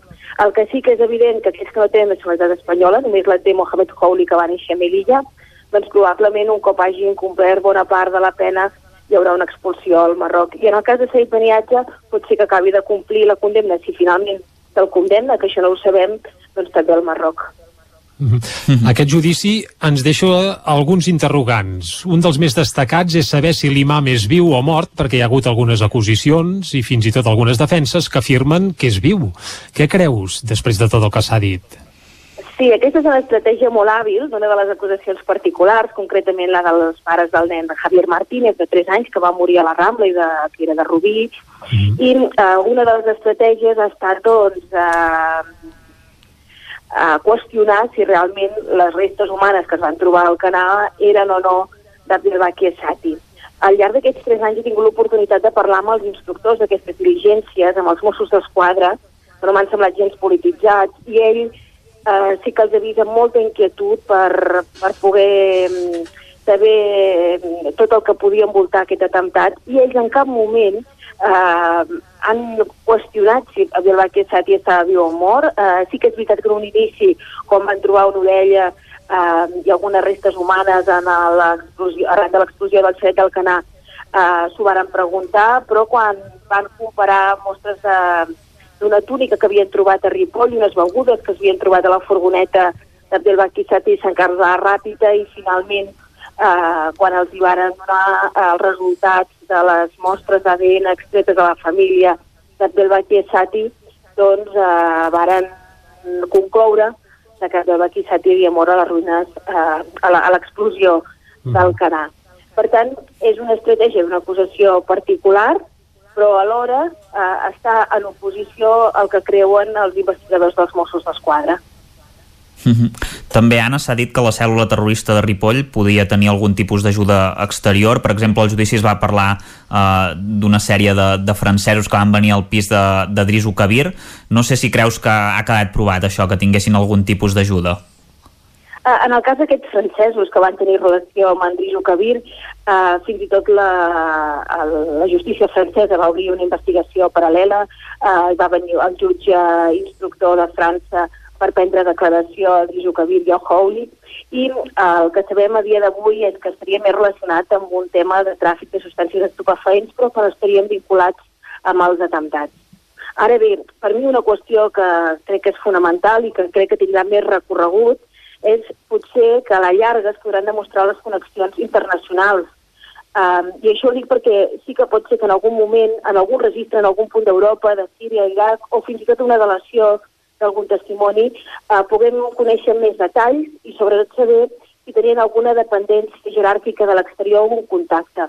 És realment sospitós eh, la mobilitat que tenia aquest grup. Penseu que Abdelbaki Sati va fer un viatge de tres dies a Bèlgica, ell havia estat una temporada entre el 2015 i 16 a Bèlgica de sis mesos, que hi va tornar el 2017 a finals de març, i va estar només tres dies i quan van tornar es van accelerar els preparatius dels atemptats. I també veiem que ell torna de Bèlgica, passa per Ripoll i se'n va al Marroc i allà reconcilia amb la seva família que feia set anys que no els anava a visitar. Paral·lelament, veiem que els germans grans que formaven part del grup doncs, que fan alguns viatges a Bèlgica i a França. I és especialment important el viatge que va fer Younes Abou Yacoub i Omar Ishami entre l'11 i el 12 d'agost a la Torre Eiffel. I per què diem que pot ser rellevant? Doncs perquè ells eh, s'ha localitzat que van comprar una, una càmera de fotos i van fer una sèrie de, de fotografies, un reportatge fotogràfic amb més de 40 imatges.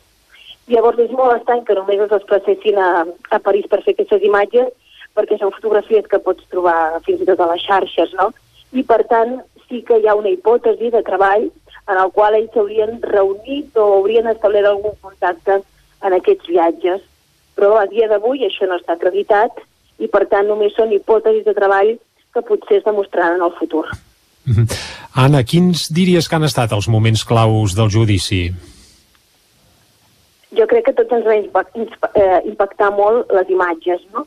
Com van veure els tres germans grans, eh, Junès Abu Yaqub, el conductor de la furgoneta, en Mohamed Ishami, que va encapçalar el grup de Cambrils, en Josep Alà, que va morir a l'explosió del Canà, quan els van veure manipulant explosius amb un to burleta, rient-se, adreçant-se a les empreses on havien treballat, eh, amb una de, una de les empreses de més renom de la comarca, no?, que tots recordarem, eh, i sobretot aquell to i aquella manera de fer.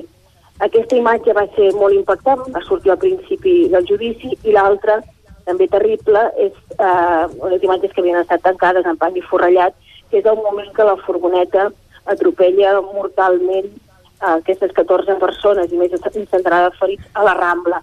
Unes imatges que alguns mitjans doncs, van decidir eh, no emetre per, per, la, per, per el dolor que pot suposar pels supervivents i pels familiars de víctimes mortals.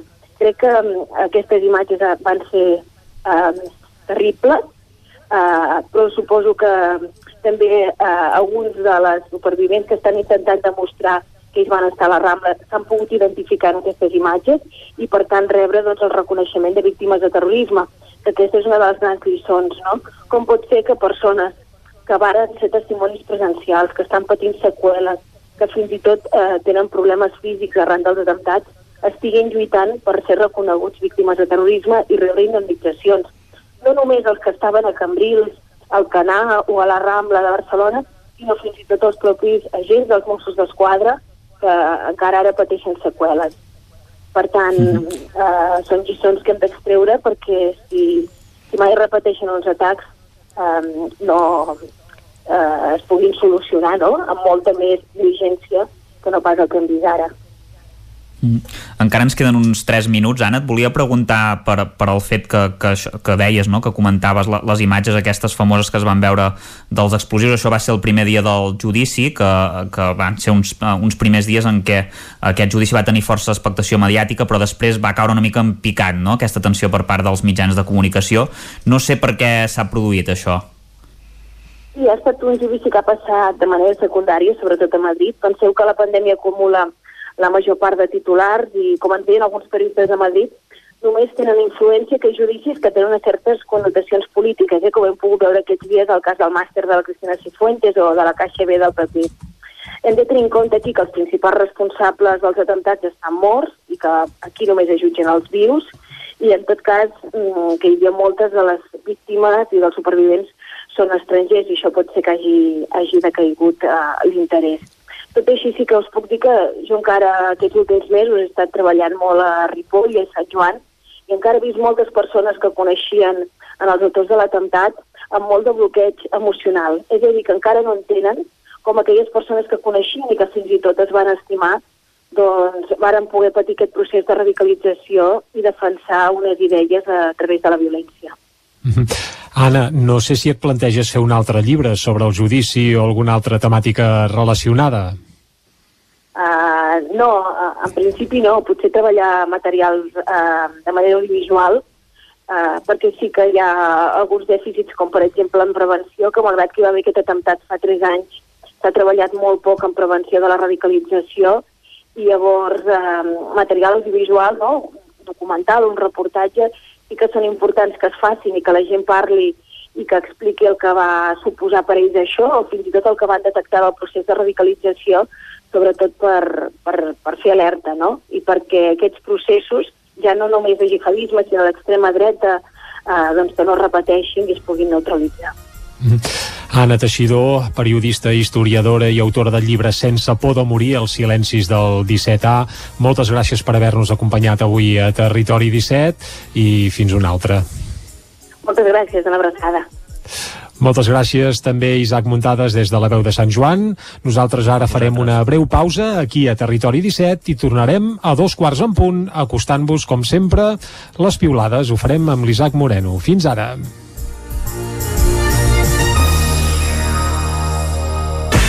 El nou FM, la ràdio de casa, al 92.8. Són temps de reptes. A la Fogonera n'hem aconseguit 3. Servir arrossos d'estrella per emportar i a un preu de justícia. Aquest hivern tenim l'arròs de calçots en tempura. La Fogonera, la rosseria de paelles per emportar a GURB i que també et portem a casa. Telèfon 93 851 55 75 i a lafogonera.cat. I quan cau la nit, Pupurri Culinari, solucions per sopar les nits de divendres i dissabte. Entra a pupurriculinari.cat i tria. Cobertes serveis funeraris. Els nostres tanatoris estan ubicats en els nuclis urbans més poblats de la comarca d'Osona per oferir un millor servei. Tanatori de Vic, Tanatori de Manlleu, Tanatori de Centelles i Tanatori de Roda de Ter Sabem que són moments difícils i per això el nostre compromís és atendre-us en tot moment amb un tracte humà, sensible i respectuós. Cobertes serveis funeraris. Telèfon 24 hores 93 883 23 46. Cocodril Club. Si t'agrada la bona música dels anys 60, 70 i 80, escolta el 9 FM als matins de dissabtes i diumenges d'11 a 1. És el temps del Cocodril Club, tot un clàssic de la ràdio, amb les bases del pop-rock, les llegendes, les cançons que s'han convertit en autèntics himnes. Recorda, dissabtes i diumenges al matí, d'11 a 1, al 9 FM 92.8. Cocodril Club, el programa revival de l'Albert Malla. Hasta luego, cocodrilo.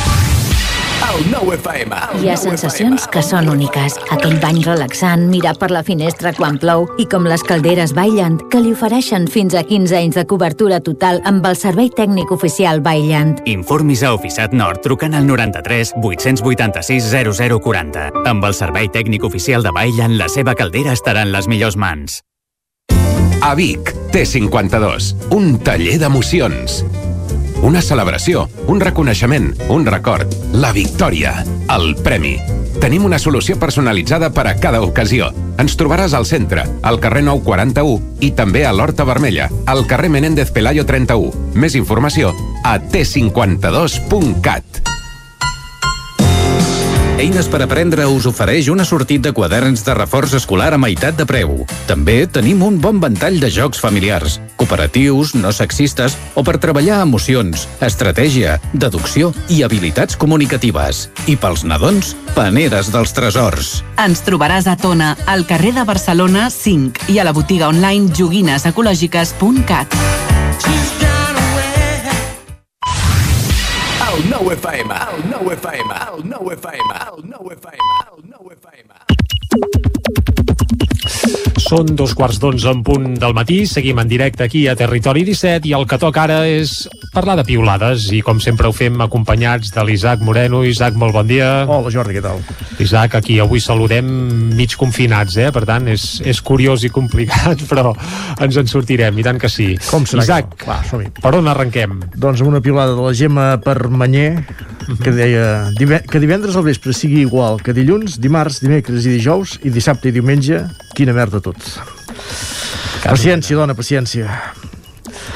Sergi Solà, periodista, deia si Kurt Cobain no s'hagués suïcidat l'abril de 1994, fa 27 anys, als 27 anys avui n'hagués fet 54. La biografia que en va escriure Charles Cross és una bona manera de conèixer l'home més enllà del mite i comparteix l'imatge d'aquesta biografia. Molt bé, interessant. Uh, Jordi Vilarrodà es fa ressò d'una piulada del periodista Jofre Llombard que diu Felicitats als que ho teniu tot sempre clar. I en Vilarrodà que diu En el moment en què estem, això que diu en Jofre Llombard em representa. Doncs queda representat. Xavi Dornafoc, des de Vic, diu els que es manifesten cada nit no són revolucionaris ni estan fent cap revolució. La crema de contenidors és la conseqüència d'un malestar generacional que la pandèmia ha agreujat. No, tenim, no tenen cap estratègia per arribar al poder ni un projecte de societat al alternatiu. Només ràbia, diu. Més piolades. Eh... En Peyu es fa ressò també d'una piolada del regidor del PSC a l'Ajuntament de Barcelona, Jaume Collboni, que diu a l'últim any l'Estat ha transferit recursos per valor de 6.540 milions a Catalunya, una mostra del compromís de, des de la Moncloa amb els catalans i les catalanes en fets, no paraules. I en Peyu que diu, els acudits els fem els professionals. I tota la raó que té. Etiqueta prou intrusisme laboral. Marc Camacho, des de Vic, diu ens va deixar en César, conegut a Vic com el Metralleta, qui durant més de 20 anys pujava des de Barcelona participada de la Festa Major. En Metralleta va ser l'últim almoiner que va tenir la colla. Amb ell marxa part de la història de la ciutat. Tirin, tirin pels gegants. Cita. Doncs en Pau descansi en Metralleta. Aquí, per cert, vam tenir el goig de saludar fa un parell d'anys quan va ser presencialment a Vic, precisament eh, per veure els gegants i assistir a la festa major. Correcte. Més piolades, una que és un final, així, una, una pausa indefinida. Arnau Tordera primer diu Estimats amics de Twitter, la meva circumstància actual m'obliga abandonar la nostra xarxa social preferida durant una bona temporada. Ens Arpla. retrobem a la tornada. I aquí a la incògnita, què farà l'Arnau Tordera sense piular? Ah, misteri. Un disc, potser? Potser, o una òpera, vés a saber. Bé, l'òpera ja la té mig feta, ara l'estan embastant i aviat sabrem els resultats i s'estrenarà al Liceu, per cert. Xavi Verdolet, periodista, diu sort que al camp del Barça no hi ha públic ni contenidors. Això després de l'empat a una i amb el Cádiz. Amb el Parlarem Cádiz. a la part final del territori 17 d'avui. Sí. Jordi Vilarrodà es fa ressò del, del reportatge que, de l'exclusiva que treia ahir el diari Ara sobre els abusos a l'Institut del Teatre de Barcelona. A França, Gabriel Matznev, aquí Joan Uller. La cultura no ens salva del tot de la barbària i té els seus propis monstres i els han cobert massa temps. Excel·lent periodisme d'investigació del diari Ara, que aquest i els que han actuat com ell es podreixin en la ignomínia.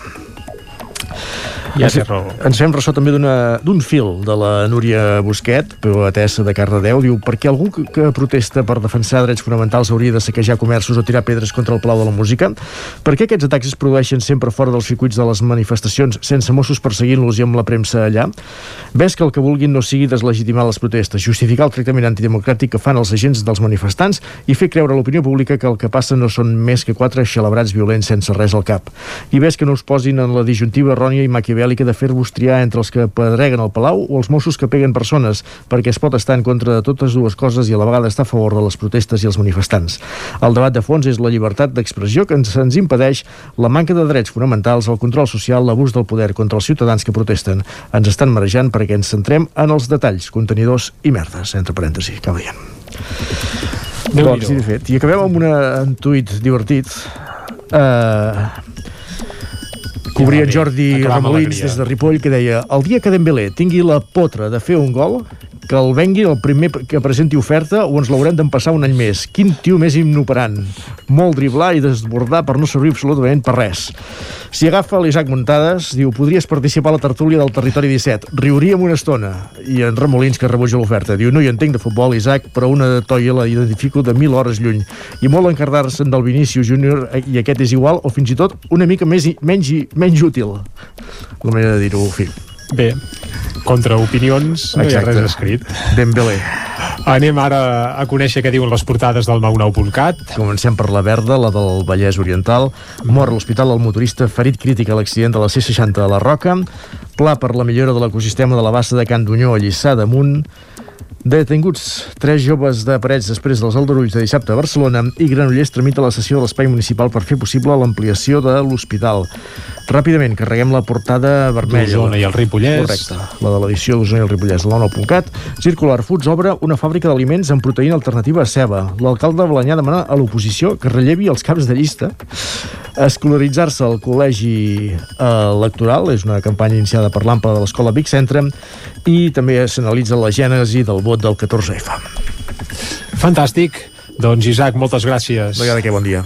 Vinga, molt bon dia. Nosaltres ara anem cap a la taula de redacció.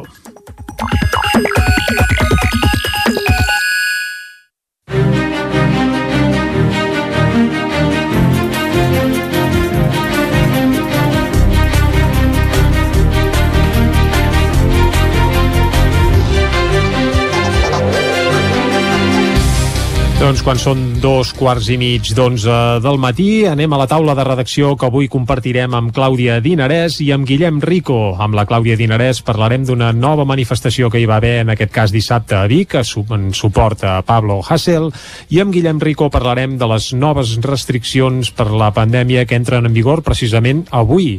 Uh, el saludem de seguida, el Guillem. Doncs vinga, més que noves restriccions, Guillem, hauríem de parlar de, de menys restriccions, oi? A partir d'avui, diguem que s'obre alguna, alguna espurna i alguna cosa que es pot fer, sobretot vinculada als infants. Molt bon dia, Guillem. Bon dia, doncs sí, eh, el que varia és molt poc, eh, afecta sobretot en el que són les activitats extraescolars i en el lleure, que vol dir que ara, des d'avui, estan permeses totes les activitats extraescolars i de lleure, per, per, però de nens i nenes d'infantil i primària, què vol dir? Doncs? Nens i nenes fins a 12 anys, amb un màxim de 6 per aula, i això en el cas de les activitats esportives sí que, que no hi ha aquesta limitació de 6 ara, i pel que fa a la resta de grups d'edat només ho poden fer els que fan, diguem, amb el mateix grup bombolla. Dins les classes de, o sigui, el mateix grup bombolla que tenen a l'institut o al col·legi on van. Que això, Eh, diguem llavors, que ja, ja s'hi valia, diguem-ne. eh? Mhm. Exacte, que això ja es podia fer. El canvi és aquest, no? Que no ho poden fer, però fins a l'educació, o sigui, els d'ESO no poden fer-ho, bàsicament. I caus i Eh, en agrupaments sentit, escoltes, sí que en principi, a partir de dissabte vinent, que és quan acostumen a tenir activitat, poden obrir portes. Sí, exacte, els agrupaments escoltes i els, eh, els esplais, però hi ha aquesta limitació, que vol dir que els, els nens de partir de 12 anys que van als agrupaments escoltes no poden fer aquesta activitat, eh, i això és el que una mica reivindicaven també eh, eh, des de, per exemple, des de la demarcació de l'Alter de, dels escoltes, que engloba els agrupaments de zona i el Ripollès, no? una mica això, no? I també és el que feien des de, des de l'esplai Uchi Uchi de, de Tona, que feien una plantada, bueno, van fer cartells aquest cap de setmana i voltaven, van, fer, van portar-los fins a la plaça Major reivindicant que se'ls consideri doncs també eh, en part no, que, que, que se'ls reconegui la tasca que fan eh, i que es posi per donar importància al lleure, no? Eh, perquè mm, o sigui ells han demostrat, tant els escoltes com els esplais, que, que han pogut fer activitats segures durant, durant l'estiu i durant fins a l'octubre que se'ls va aturar tot plegat i reivindicaven això, que, se, que se'ls pugui considerar d'aquesta manera, perquè això també els talla l'activitat, es parla de fomenten valors com eh, l'esperit crític, eh, eh, moltes, molts aspectes que, que sense la vivencialitat, doncs, eh, no, els, els caus virtuals estan molt bé, però van estar bé durant el primer confinament perquè no hi havia més opció. Però deien això, no? que s'està perdent tota, tota aquesta part, també afecten les formacions que fan amb, amb monitors i reivindicar una mica això, que se'ls posi en valor aquesta tasca de- d'educació en el lleure eh, i llavors també criticar una mica el fet aquest de que estaven contents perquè volen començar l'activitat però no poden començar l'activitat amb tot només fins als 12 anys, per exemple hi ha grups que barregen nens de sisè amb els de primer i segon d'ESO perquè eh, també hi ha aquest treball generacional no? que sempre van amb un, un grup d'edat sol anar amb un grup de, de sol anar amb gent d'un curs més i un curs menys llavors es troben que hi ha grups que queden tallats eh, a la meitat, no? I també reivindicant una mica això, el fet de poder entrar tots en el mateix. Sí que això, eh, que ja és més que el que tenien eh, fins ara, però deien això, que amb les mesures que havien aplicat eh, i tots els protocols que seguien, que, que hauria de ser segur, a més també perquè molta, molta activitat també si cal la poden fer a fora, per tant eh, demanaven una mica, una mica això. Per tant, això són bàsicament les mesures es modifiquen a partir de, a partir d'avui. i que en principi estaran en vigor fins diumenge que ve, per tant Exacte, només una setmana i podria ser que de cara a dijous divendres eh, hi haguessin noves restriccions o noves obertures de restriccions en aquest sentit, oi? Exacte, sí. Uh, com sempre ho han fet set dies, per tant s'acabaria diumenge i normalment a final de setmana ja, ja diuen a veure que, uh, que hi pot haver els canvis se solen anunciar entre els dijous i els divendres, que en aquest cas es va anunciar el divendres passat, Mhm. i per tant això, aquestes mesures eh, potser s'allargaran d'entrada fins diumenge a la nit i a partir del dia 1 doncs, hauria, de, hauria de canviar o no eh, en funció de, de les dades. També hem de dir que, per exemple, en el cas d'Osona eh, ja diuen que 4 de cada 5 casos eh, de coronavirus són de la soca britànica.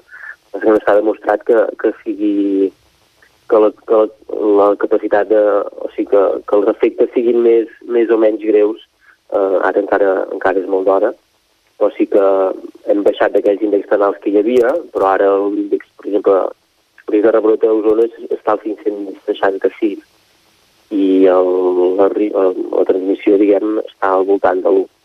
Per tant, s'ha alentit una mica, però les dades tampoc són molt, molt, molt, molt bones. Bé, doncs evidentment ho seguirem. aquestes mesures. Guillem, moltes gràcies per acostar-nos quines són les noves restriccions relacionades amb la Covid-19. Nosaltres ara anem a saludar la Clàudia Dinarès, que dissabte va ser a Vic a una concentració, oi, Clàudia? Exactament, bon dia de nou, Jordi. Molt bon dia. A dos quarts de vuit del vespre d'aquest dissabte havia corregut per les xarxes socials una convocatòria, una convocatòria que d'entrada doncs, va generar uns certs dubtes perquè no quedava clar qui, qui convocava. Uh, sí que és veritat que el CDR uh, de seguida uh, va donar-hi suport, per tant uh, va tirar endavant aquesta concentració que, com deia, uh, va citar a dos quarts de vuit del vespre a la plaça Major de Vic. Fins allà vam anar-hi, evidentment ja hi havia gent, concretament unes 200 persones eh, que el que feien era doncs, protestar contra l'empresonament del raper Pablo Hasél. Aquesta, eh, recordem que era la tercera protesta que acull la capital usnenca des que dimarts passat el raper eh, lleidatà va ser empresonat, condemnat per delictes d'injúria a la corona i també, entre d'altres, eh, per enaltiment al terrorisme, per algunes de les lletres de les seves cançons, també per alguns eh, missatges, algunes piulades eh, polítiques. Mm -hmm. Exactament.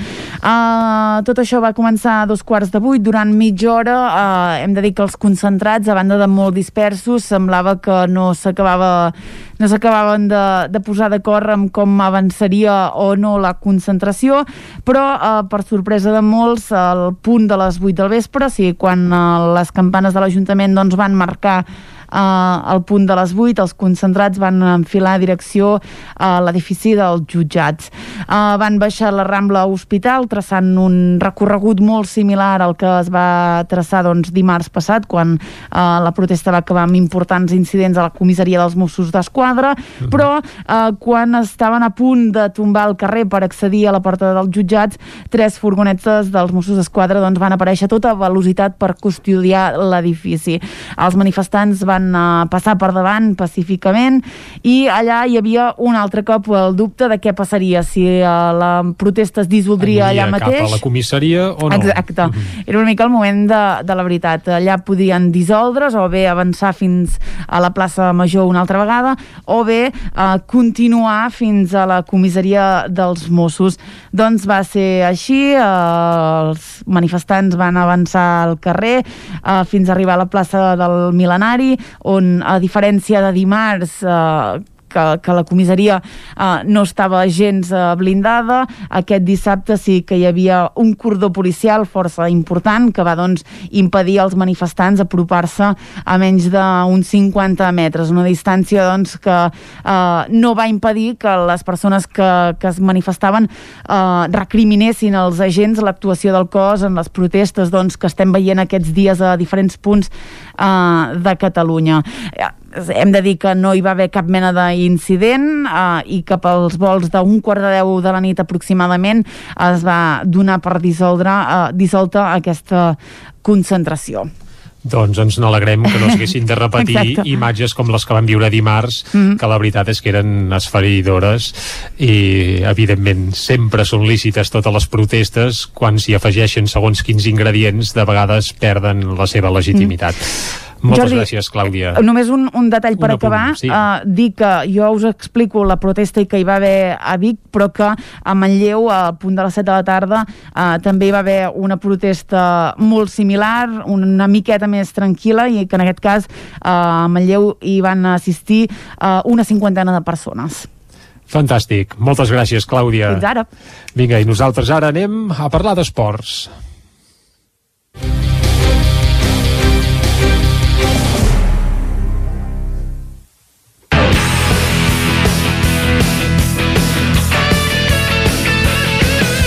I quan passa un minut i mig de tres quarts d'onze del matí, el que farem és conèixer com els han anat els equips del Territori 17 al cap de setmana. I aquest repàs esportiu el començarem anant a Ràdio Cardedeu amb l'Òscar Muñoz. Òscar, molt bon dia. Bon dia, Jordi. Com ha anat esportivament parlant el cap de setmana? Um, com el temps avui, més o menys. Ara pla. grisot, doncs, eh? Sí, grisot, sí. Uh. -huh. Doncs comencem a Cardedeu, on teníem dos partits. La, la, el primer, la Lliga Divisió d'Honor Catalana de Futbol Sala, on dissabte a les 7 es jugava doncs això, el futbol sala masculí a, contra el barri de Can Calet i ho van fer per derrota per un 5 a 7 els de Sant Fos de Camp Centelles doncs, van començar millor el partit i van portar el ritme fins al final no van poder fer res i diumenge teníem l'handbol de la Lliga Catalana de Sènior Femenina on les noies de Caradeu doncs, jugaven contra el sènior femení de la Roca a les 6 de la tarda i també ho van fer amb, amb derrota per 25 a 29. Recordar que les cardeuenques encara no han arribat a arrencar la Lliga, ja que van últimes i les de Roca doncs, anaven sisenes, o sigui que més o menys el, el resultat és eh, el que és per la Lliga. Bé, no els va gaire bé la Lliga, això és, això és evident. No. Dels equips de Granollers, de d'handbol, teníem a les noies del CAC 7 que jugaven dissabte contra l'Elx, un partit molt important, i ho van fer amb victòria. Ho van fer amb victòria mínima, ajustadeta, per 19 a 18. I ara les granollerines doncs, tenen un marge de 3 punts amb les segones, o sigui, els ha anat molt bé aquesta victòria contra l'Elx. I doncs girem la moneda, girem tenim la creu, girem-la, on el Granollers, el Franklin Granollers, va caure a la pista del Puente Genil per 31 a 24. Eh, doncs aquest resultat podria quedar aquí, però és el seu pròxim rival de la final de la Copa del Rei, que es disputarà el 5 de març a Madrid, i doncs això, eh, a veure si no hem volgut ensenyar totes les cartes o el que sigui, però eh, ja van començar malament eh, el duel que seguirà a la Copa del Rei. Bé, esperem que a la Copa hi hagi més sort i, com bé dius, que la moneda giri de nou i que el partit ah, se l'endugui el balonmano Granollers. Esperem-ho. Sí. I per acabar, I per acabar. Eh, l'esport, ah, i per acabar també a Granollers, el futbol, diumenge es va disputar eh, l'Esport Club Granollers va jugar contra l'Horta, que era penúltim amb 12 punts, i ho va fer per 3 a 4 eh, els de Granollers es van avançar quatre vegades al marcador amb dos gols decisius d'Oriol Morins, que ja suma sis eh, gols a la Lliga i és el tercer màxim golejador del grup 5B. Doncs aquesta victòria es torna a situar l'Esport Club Granollers doncs, en ple dret de disputar la promoció d'ascens i lluitar i, bueno, situant-se al cinquè lloc amb 22 punts i amb un partit menys. Molt bé, doncs moltes gràcies, Òscar, per aquest repàs esportiu als equips del vostre àmbit territorial. Anem ara cap a, a una codinenca amb la Caral Campàs. Caral, molt bon dia. Hola, bon dia. Com ha anat el cap de setmana? Ja sabem que el Caldes d'hoquei li ha anat bé, eh? Exacte, el Caldes, que el tenim a primera divisió, estàvem en aquesta situació, recordem, um, lluitant per la tercera posició um, contra un Reus i contra un Lleida que els tenia, no?, que eren els seus rivals directes, ja va, es va imposar el Reus l'anterior jornada i ara ho ha fet uh, amb el Lleida situant-se a, a 8 punts i ocupant aquest tercer, aquesta tercera posició doncs, tan, tan preuada i, i que tant doncs, uh, els ha costat i s'han esforçat doncs, per aconseguir. Eh, ja comentàvem una mica com, com va anar el partit al eh, primer butlletí informatiu però bé, recordar això que Alcaldes va fer els dos primers uh, gols, després uh, un cop passada la, la mitja part uh, el Lleida va fer el, el primer i llavors ja va ser quan tot es va enrabassar una mica. Uh, l'àrbitre va treure tres targetes blaves als, als calderins. Uh, el Lleida doncs així va poder empatar fent el 2-2 i al final tot es va esclarir amb un gol de Cito Ricard, el que podríem qualificar el jugador clau del partit que va decantar doncs, aquest partit a dos minuts pel final mm. i, i bé, un, un maig doncs, interessant i, i, i positiu pel Caldes que ara ocupa aquesta tercera posició a l'Hockey Lliga. I us comento, uh, les noies del Vigues i Riells van empatar a dos uh, contra el Manlleu, uh, ja ho comentareu vosaltres també, però bé, un Manlleu que és l'actual campió de la competició i un partit que també es va resoldre resoldre amb aquest empat cap, cap al final, igual, igual que, que els calderins, doncs eh, el partit del Vigas contra el Manlleu es va resoldre els últims eh, minuts. Eh, això sí, eh, al minut 12 el Vigas encetava el marcador amb un xut llunyà i semblava que estava més o menys controlat, però, però a 3 segons pel descans el Manlleu doncs, va fer eh, l'empat i eh, al segon temps la, les usonenques doncs, es van avançar amb el, amb el segon gol i eh, un final de partit emocionant, doncs, com deia, on el Vigas, eh, lluny de rendir-se, va aconseguir aquest empat a dos, a dos minuts pel final.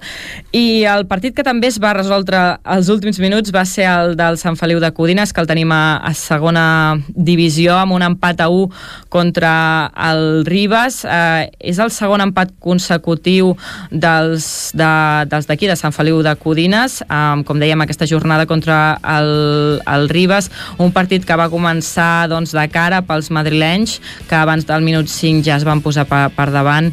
I, I bé, els minuts van anar succeint-se intensos i en ocasions, però amb, amb poca efectivitat, i la prova d'això van ser les tres faltes directes fallades pel Sant Feliu, que haurien pogut canviar el resultat final, però bé, no. I no va ser fins a 5 minuts pel final doncs, que els codinencs van fer aquest empat a 1. Molt bé, doncs moltes gràcies, Caral. A dona vosaltres. Codinenca, anem ara cap a la veu de Sant Joan amb l'Isaac Muntades, aquí saludem de nou. Isaac, bon dia. Bon dia, Jordi, bon dia. Ja sabem que el Ripollès d'activitat esportiva n'hi ha poca, eh? N'hi ha poca, però us he de donar una bona notícia i és que ja s'ha reprès alguna competició perquè aquí al Ripollès eh, sí que tenim futbol sala, hi ha la Lliga Nacional eh, de Futbol Sala i en el grup A, com sabeu, eh, hi ha el Ripoll, el Servicat Ripoll, per tant doncs, eh, és una bona notícia que va poder tornar a competir aquest cap de setmana i a més a més el pavelló de la Vallaneda doncs, va aconseguir una victòria sense públic però molt contundent per 5 a 1 davant l'Argentona.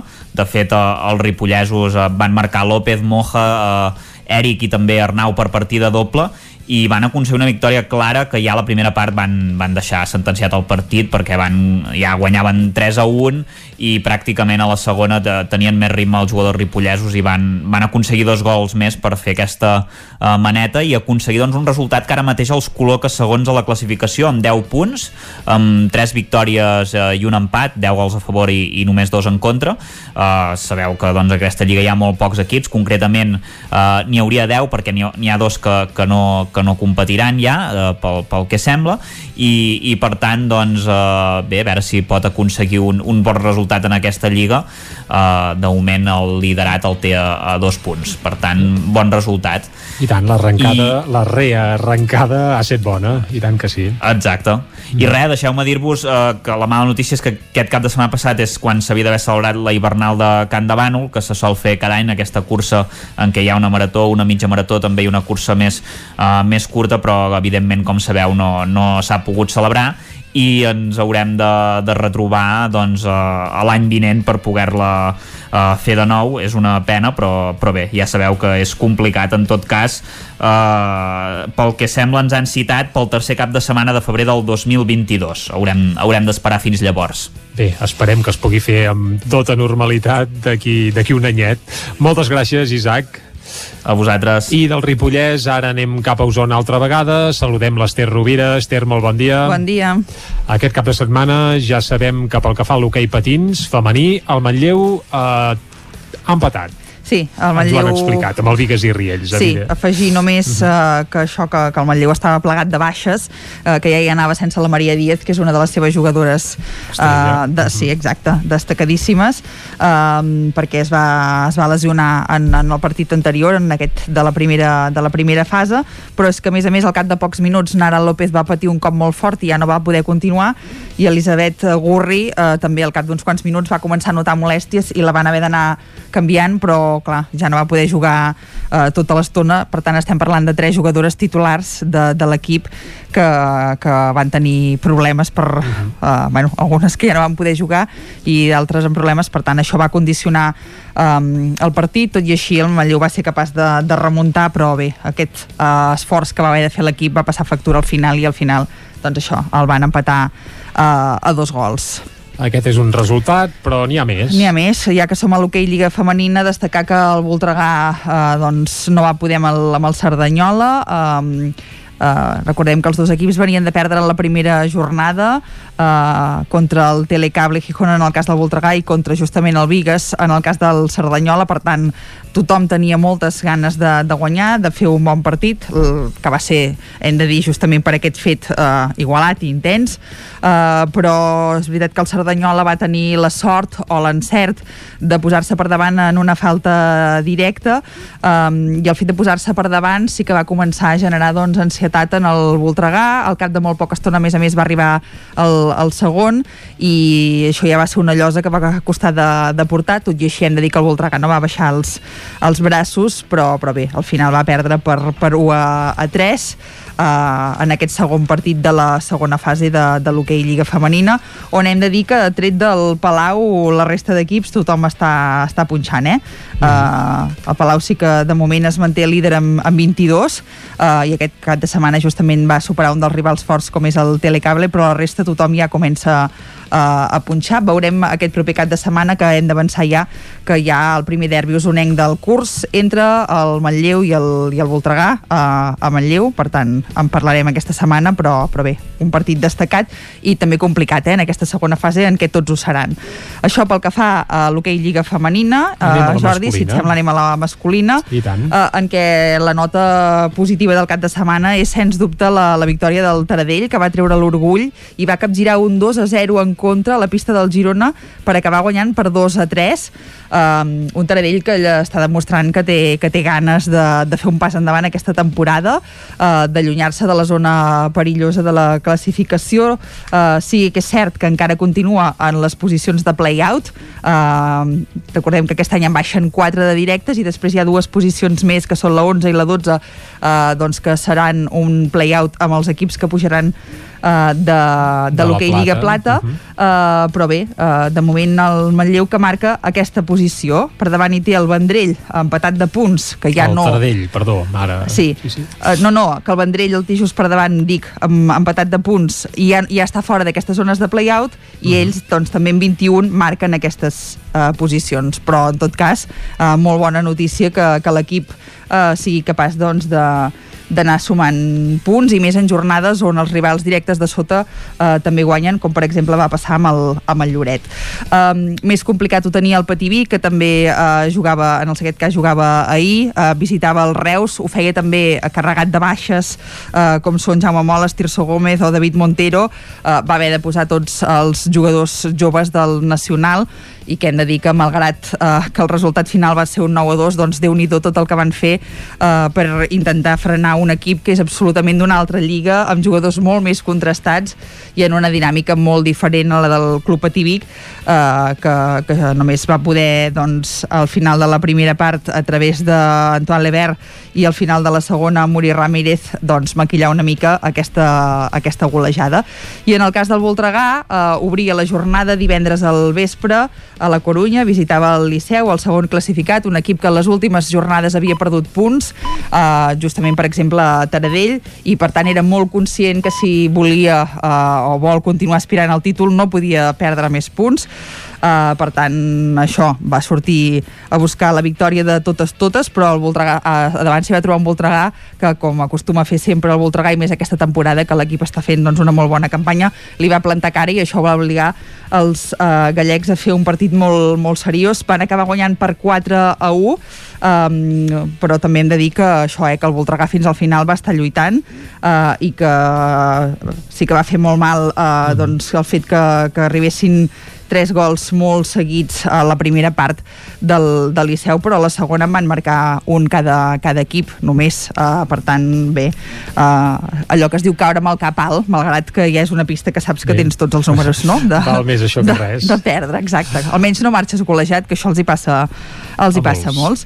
I Deixem l'hoquei Lliga... Sí, a l'hoquei Lliga Plata destacar plata. que el Manlleu referma el liderat del grup nord després de golejar l'Areces a domicili per 2 a 8 en un partit pràctic cada vegada que els eh, asturians els, els acostaven en el marcador, el Manlleu que responia amb un gol o amb dos, eh, i per tant, bé, eh, això, arribar a moldre i tornar cap a casa, eh, perquè a més a més no ho podia desaprofitar perquè hi havia un enfrontament directe també eh, entre dos de, dels seus aspirants eh, uh, o dos dels equips amb qui lluita per, per guanyar, com són el Sant Just i el Vilafranca, que van empatar quatre gols, per tant el Manlleu havia d'aprofitar per escapar-se en, el, en el marcador i això, i això va fer, just abans de rebre el cap de setmana que ve el Sant Cugat, que és un altre dels equips que lluiten per aquestes primeres posicions de l'hoquei Lliga Plata, per tant, bon cap de setmana del, del Manlleu.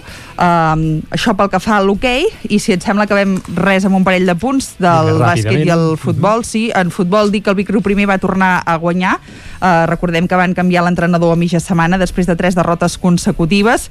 Uh, ara és Cristian Donaire, el director esportiu del club, el que s'ha fet càrrec d'aquest primer equip de la nacional de la primera nacional femenina uh, i l'equip que ahir va sumar una victòria lluitada uh, va haver de treballar-la contra el Riudoms, que és un equip de la zona mitja-baixa, i va ser per la mínima amb un únic gol de Núria Sala, que manté les, les biguetanes en cinquena posició.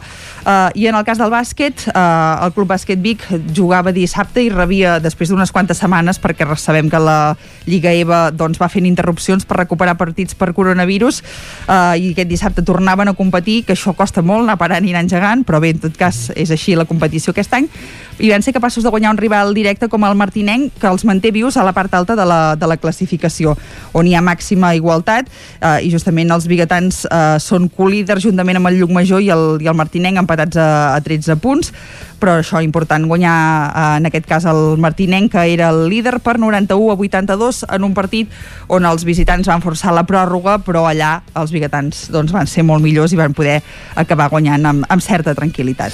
Doncs Esther, moltes gràcies. Ahir quan són les 11 i 3 minuts del matí, tanquem aquí la pàgina esportiva i us acostem de nou l'actualitat de les nostres comarques, les comarques del Ripollès, Osona, el Moianès i el Vallès Oriental. Territori 17, amb Vicenç Vigues i Jordi Sunyer.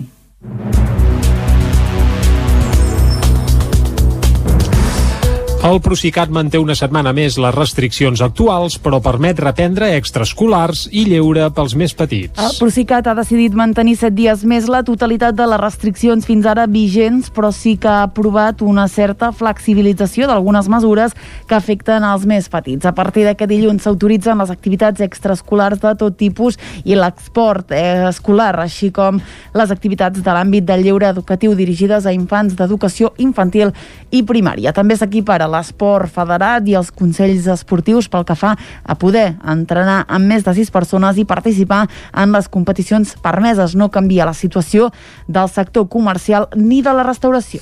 Com han canviat els equips de protecció individual des de l'esclat de la pandèmia? Ho ha analitzat la bigatana Berta Rubiró al seu treball de recerca de batxillerat. Una anàlisi que l'ha portat a seguir sessions telemàtiques de l'Organització Mundial de la Salut i a integrar-se a l'equip català que ha elaborat el Pla de Protecció de Sanitaris. Una de les conclusions del treball és clara. La pandèmia ha modificat els protocols a dins dels hospitals que fins al mes de març estaven eminentment encarats al personal sanitari que abans la protecció era més com només per al personal sanitari. Només es prote protegia el metge del pacient i no es protegia el pacient del metge. Ara es protegeix doncs, a tothom de tothom. Aquesta modificació va fer créixer exponencialment la demanda de material de protecció, un material que abans de la pandèmia es fabricava a la Xina, Corea i Taiwan i que durant els primers mesos de la pandèmia va escassejar arreu d'Europa. Als principis de la pandèmia, doncs els principals fabricants d'EPIs eren Xina, Taiwan i Corea. I també una mica Alemanya. I què va passar? Va venir la pandèmia i van dir això pinta malament, reservem una mica de la nostra producció. I aquí se'ns va tallar el subministre, vale? a Europa. I pànic. Doncs què va passar? Ara s'ha arreglat, vale? ja, o, o sigui, han sortit més cadenes de producció uh, arreu d'Europa, s'han adaptat fàbriques i d'això, i també bueno, pues s'ha aconseguit gestionar, saps? S'ha tingut temps per adaptar tota la cadena. Rubiró té 17 anys, encara no sap què vol fer el curs vinent, però d'entrada assegura que li agraden molt les ciències. Els bombers van apagar divendres passat un petit incendi forestal a Ribes de Freser. Isaac Muntades, des de la veu de Sant Joan.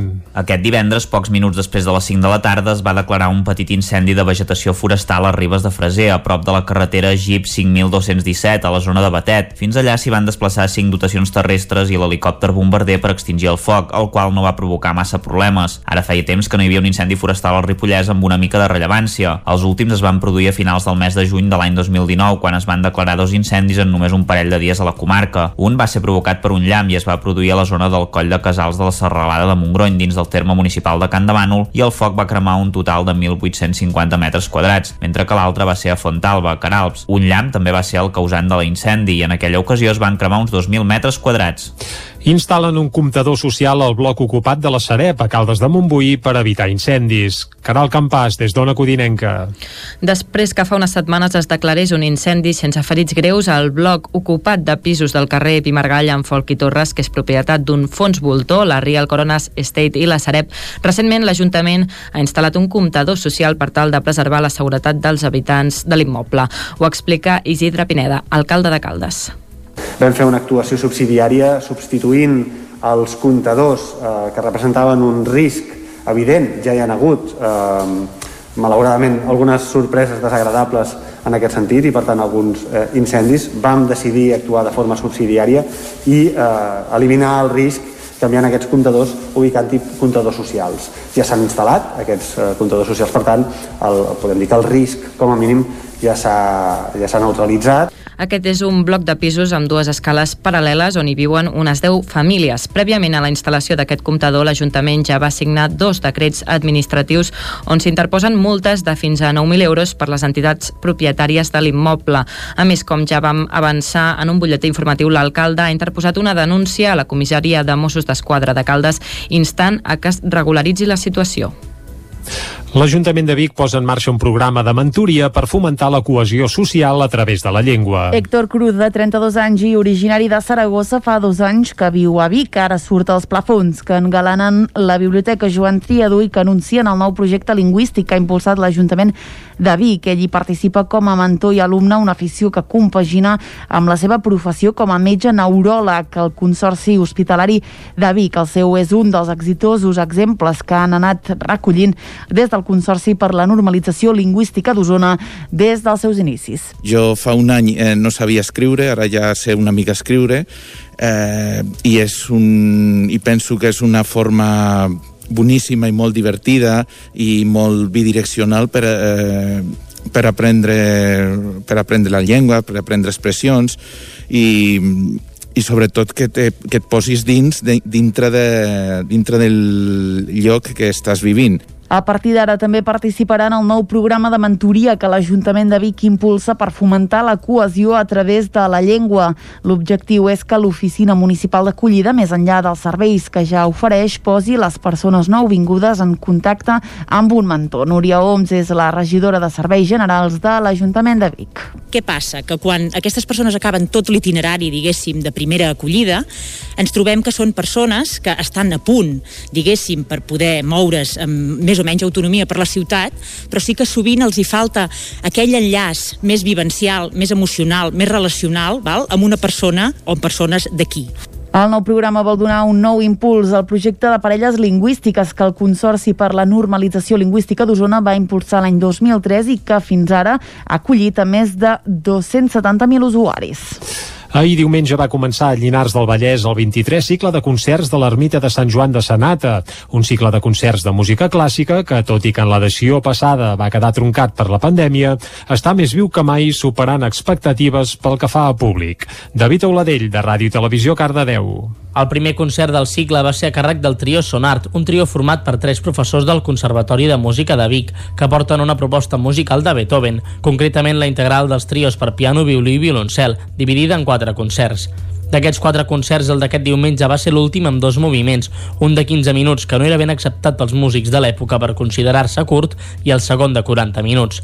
En acabar, els músics Anna Carro al piano, Cati Reus al violí i Daniel Oliu al violoncel van oferir un bis amb un petit moviment que Beethoven va composar per una alumna seva desmotivada per la música amb la intenció de retornar-li la motivació. Èxit de públic amb gent als passadissos, el primer concert que es va dur a terme en aquesta ocasió a la sala Tallers del Teatre Auditori, ja que l'ermita de Sanata no disposa de piano de cua, instrument del que s'hi disposa al teatre. De fet, si no hi hagués hagut les restriccions imposades per la crisi sanitària, no hi hauria hagut problema d'aforament. Tere Coma i Josep Maspoc, organitzadors organitzadors del cicle van obrir l'acte explicant el programa d'aquest any, les novetats del cicle i l'adaptació a les mesures sanitàries. I fins aquí el butlletí informatiu de les 11 del matí que us hem ofert amb les veus de Clàudia Dinarès, David Auladell, Caral Campàs i Isaac Muntades. I ara, quan passen 11 minuts de les 11, el que farem és una breu pausa i tornem de seguida amb els solidaris amb Eloi Puigferrer.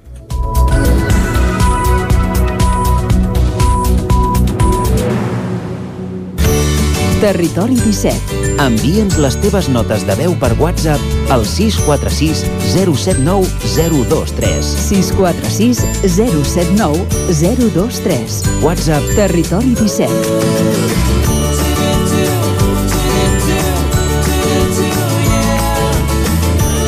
Territori 17. Som a Facebook, Twitter i Instagram amb l'usuari Territori 17.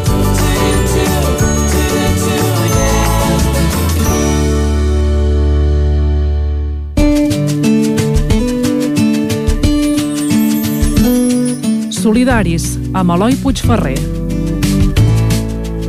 Durant aquestes setmanes, al programa Solidaris hem conegut una gran varietat d'organitzacions que comparteixen un objectiu comú, ajudar les persones que més ho necessiten. Bé sigui amb ajuda humanitària a altres països, posant un plat calent a taula o vetllant per aquelles persones amb alguna mena de discapacitat mental, en el nostre recorregut per les comarques d'Osona, el Ripollès, el Moianès i el Vallès Occidental, hem pogut fer un bon retrat del teixit solidari existent. En totes les entitats amb les que hem parlat, però, hi ha un altre aspecte en comú. Donen resposta a una necessitat molt present en el seu territori d'acció, però és cert que aquest no és un incentiu universal darrere de les ONGs i entitats solidàries. És per això que avui, des de Ràdio Vic i a través de l'antena de Territori 17, coneixerem una entitat que va néixer amb un objectiu molt clar, servir de referent i de suport per a aquelles persones que han patit alguna malaltia cardíaca a la comarca del Ripollès. Per aprofundir en aquest objectiu, avui a Solidaris parlarem amb Carles Mauri, president de l'associació Ripollès Cor, que va veure la llum farà ja més d'una dècada gràcies a l'empenta del seu president. Sí, el Ripollès Cor fa uns anys més o menys que va néixer.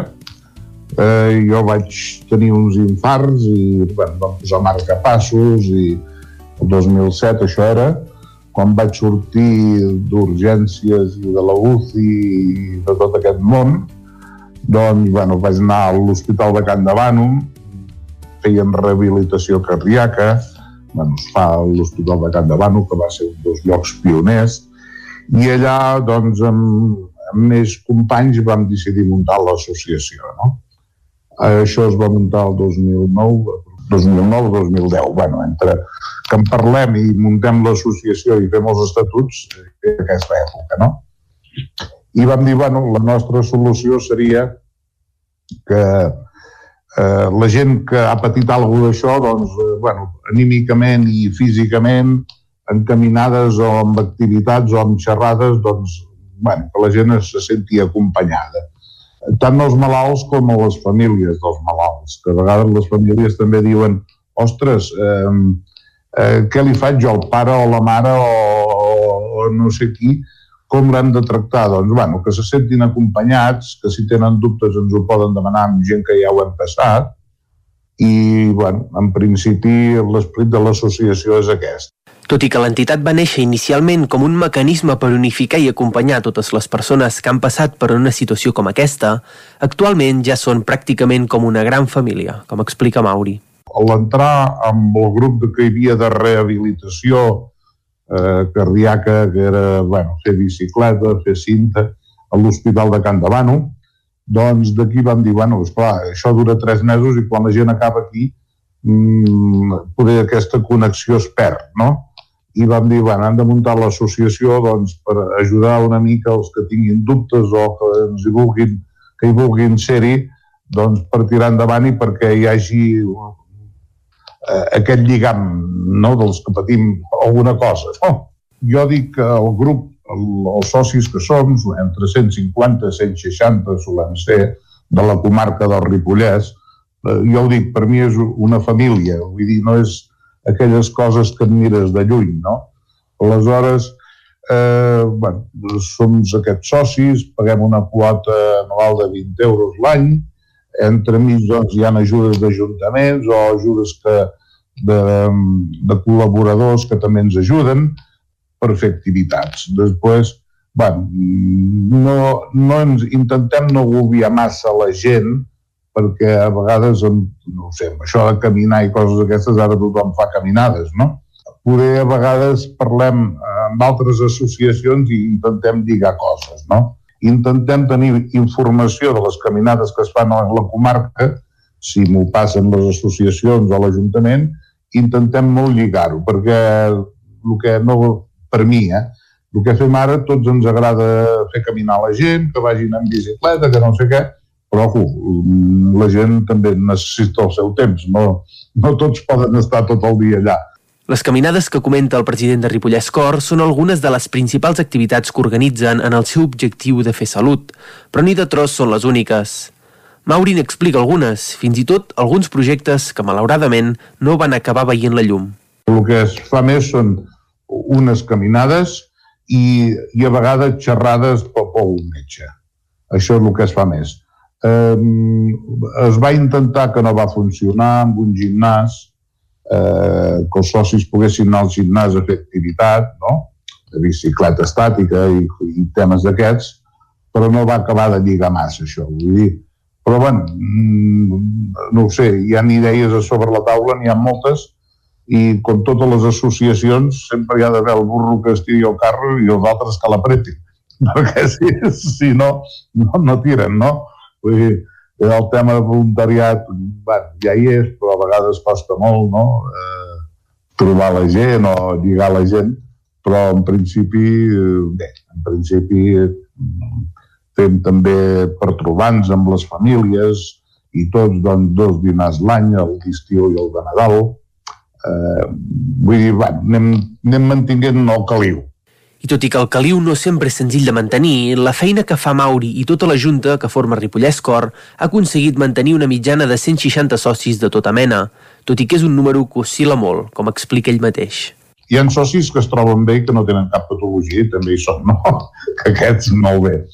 I després hi ha els que han tingut malalties, o sigui, no necessàriament has de ser malalt no? per estar a l'associació, però eh, hi, hi ha gent que per la patologia, el que sigui, doncs, bueno, sempre tenim unes baixes al cap de l'any, no? Vull dir, però veig que en aquests últims cinc anys sempre hem ballat eh, més o menys amb això, eh? entre 150, 160, poder puntualment hem pujat a 175, però, clar, depèn, quan parlo de, de baixes de, dels èxits o de les defuncions que hem tingut, no? també dels companys que, que per desgràcia, per la patologia, doncs no... Eh, algú, algú, un dia hem d'acabar la vida tots, no? Vull dir, això està clar. Vull dir, clar, i ho anem trampejant així, ja, vull dir, una de les feines principals, més enllà d'acompanyar les persones que han patit alguna malaltia cardíaca, és la d'assessorar i estar al costat de les famílies en un procés de canvi tan radical com aquest. Jo crec que és bo que les famílies vegin altres famílies que ja ho han patit, mm, per veure com ho porten, no? Vull dir, en principi és normal amb una malaltia cardíaca o, o en fi, en tipus eh, eh, d'aquest tipus com de totes les malalties, lògicament, no? Eh, la família diu, ostres, a partir d'ara què farem? Què passarà? Eh, què podrà fer i què no podrà fer? Eh, jo sempre dic el mateix, si el malalt, entre cometes, jo sempre els dic, jo no estic pas malalt, són els metges que diuen que estic malalt. Vull dir, jo no he parat, no? Vull dir, si tu tens una activitat i et trobs bé i sense passar-te i, i procurar tenir els paràmetres una mica controlats doncs, de fer bondat, de fer una activitat, de moure't i, eh, en fi, el, que, el típic que recomana, mm, no t'espantis, tu ves fent. El que has de vigilar és no et vulguis eh, fer més del que pots fer, no? Tu ves fent, eh, és bo psíquicament perquè et distreus, perquè no penses en el teu, eh, és eh, vull dir, és, és estar al dia, eh, encara que tinguis un problema de cor, que vagis en marcapassos, que t'hagin posat bypassos, etc. Vull dir, mm, tu has d'anar fent la teva vida i has de procurar eh, i no espantar-te. I si t'espantes tu, espantes la família i, i viceversa, no? Si la família s'espanta, a vegades també t'espanten en tu. Pues, per mi és important que la gent vegi, doncs, no ho sé, eh, per mi mateix i, i per altres companys doncs, que han patit això i fan una vida bastant normal. És precisament aquest esperit de recuperar una certa normalitat en la vida quotidiana el que reclama Mauri, que com aconsella a totes les persones que estiguin passant o hagin passat per una situació similar, destaca el fet de mantenir les ganes de lluitar. Jo, en principi, eh, sempre, per mi mateix, sempre dic que hem de tenir ànims i, i no, no acollonitza, perdona l'expressió, però és així, no espantar-nos, i tenir ànims i fer el que som molt pesat, eh? però fer el que ens agrada dintre eh, els paràmetres d'aquest. Eh, si tu abans de la malaltia feies o la família feiu o, o no sé, teniu unes coses, procureu mantenir-ho vigilant una mica aquests paràmetres, però no canvieu massa per mi, eh? la meva opinió i dels bons companys que anem no canvieu massa el ritme de vida, que, que ningú s'espanti més del que ens hem d'espantar. Vull dir, crec que li hem de tenir respecte, però no espantar-nos, no? Els meus consells eh, són, vaja, que són, són molt senzills, vull dir, eh, no ho sé, he tingut um, familiars, és igual, en càncer i això és el primer que els he dit. Heu de tenir ganes de viure vosaltres. Si teniu ganes de viure, el metge ja hi farà el seu, però tindrem eh, una part molt important, no? Vull dir, eh, l'important és que tu has d'estar malalt, que tinguis ganes de seguir lluitant, poder coses canviaran, però mm, les ganes de viure i de lluitar són molt importants pel malalt i crec que ajuden molt els metges. Malgrat les ganes i l'esforç que es fa des de Ripollès Cor, la Covid-19 ha passat factura a l'entitat, que ha hagut de frenar en sec totes les activitats per precaució a l'estar tractant amb una població de risc. Mauri explica la decisió. Bueno, eh, és clar, nosaltres ens ha afectat bastant, primer per, pel risc de la gent que tenim, encara que en tinguem que no, no estiguin malalts, però la majoria són gent que, de risc i, lògicament, des de l'abril de l'any passat vaig decidir suspendre totes les activitats de contacte. vaig decidir, no el vam decidir la Junta i amb altres companys que van parlar, van dir tu, aparquem-ho tot, tinc la web que, bueno, que penges informació, ara per, per desgràcia i per sort eh, només podem penjar informació del Covid, però bueno, eh, les restriccions i això ho mantinc per la web del, del Ripollès Cor, quan surten coses noves, procuro tenir-ho al dia, i no fent gaire res més. Passem whatsapps, jo passo whatsapps als socis que tenen whatsapp i els dic què, com estan, i els hi passo alguna informació que ha sortit, però no, l'activitat l'he suspesa perquè a mi em faria molta bueno, no, fer una activitat i després surt algun positiu, que poder no seria culpa de l'activitat, eh, però si li donen culpa a l'activitat a mi em sabria molt greu. Tot i la Covid-19, Ripollès Cor segueix tirant endavant amb força i amb un suport per part de tots els socis que els permet seguir endavant. Però tot i la situació econòmica estabilitzada, Mauri també té clar què els cal per millorar. Nosaltres tenim els socis que paguen, els 20 euros, eh, normalment sempre hem tingut el remenament per anar fent les activitats. Eh, els, hi ha alguns ajuntaments que ens donen, ens fan alguna donació un cop l'any. Eh, tenim els, els col·laboradors, empreses que col·laboren amb nosaltres o, o negocis que col·laboren amb nosaltres i més o menys eh, ens n'hem sortit sempre. Ja et dic, no, no és una associació amb aspiració de tenir molts cèntims, sinó d'anar... Jo és el que sempre dic, jo només obria cada dia en sobressin 10 cèntims. No em vull pas més. quan, arribes, quan arribes al vespre et sobren 10 cèntims ja en tinc prou. L'associació m'agradaria veure-la molt, molt més implantada del que està, que déu nhi però molt més implantada eh, i poder mm, que hi hagués també molta més col·laboració eh, a nivell poder de la part metge i de la part de l'associació. Això costa una mica.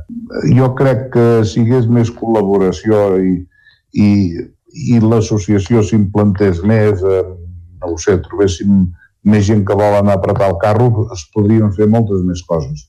Però, esclar, som sis a la Junta, que pràcticament hi som des que, va, que es va fundar.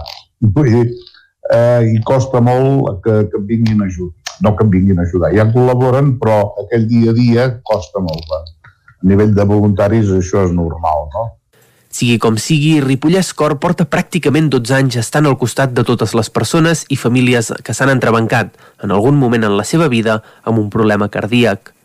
I és que, en essència, el cor és el motor del cos i quan el motor falla s'hi ha d'estar al damunt.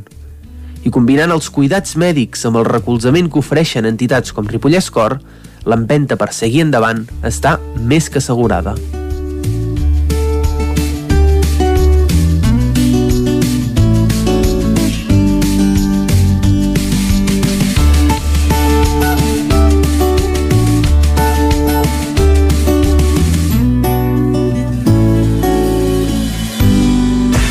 El nou FM, la ràdio de casa, al 92.8.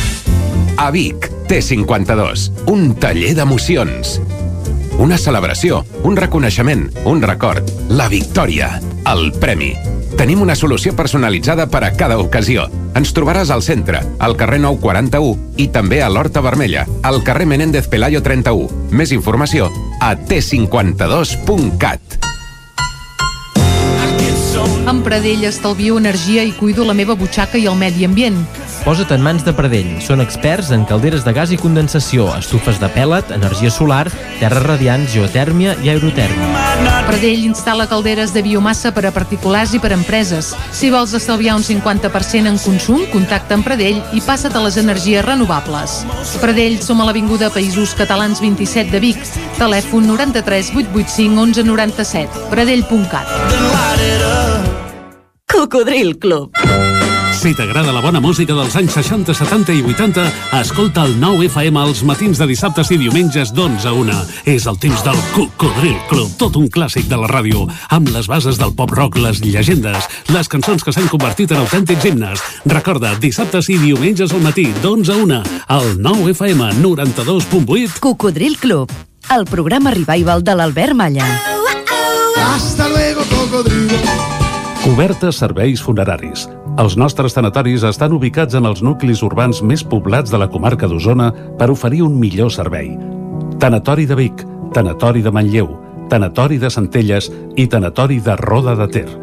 Sabem que són moments difícils i per això el nostre compromís és atendre-us en tot moment amb un tracte humà, sensible i respectuós. Cobertes serveis funeraris. Telèfon 24 hores 93 883 23 46. Això és el que s'escolta al voltant d'una caldera saunia d'Oval. Tranquilitat i benestar, perquè gaudeix del millor manteniment del servei tècnic oficial per estar despreocupat. O el que vulgui. Informis a Oficiat Nord trucant al 938860040. Saunia d'Oval, sempre al seu costat. El nou FM, la ràdio de casa, al 92.8. Xalant, moda i complements. Més que rebaixes, nova secció, tot a 10 euros. Moda home-dona, nen-nena, sabates, bosses de mà, maletes, complements i molt més. Sí, ho has sentit bé, tot a 10 euros. Vine a Can Xalant, ens trobaràs al carrer Sant Tomàs 4 de Call d'Atenes. També a Instagram i Facebook.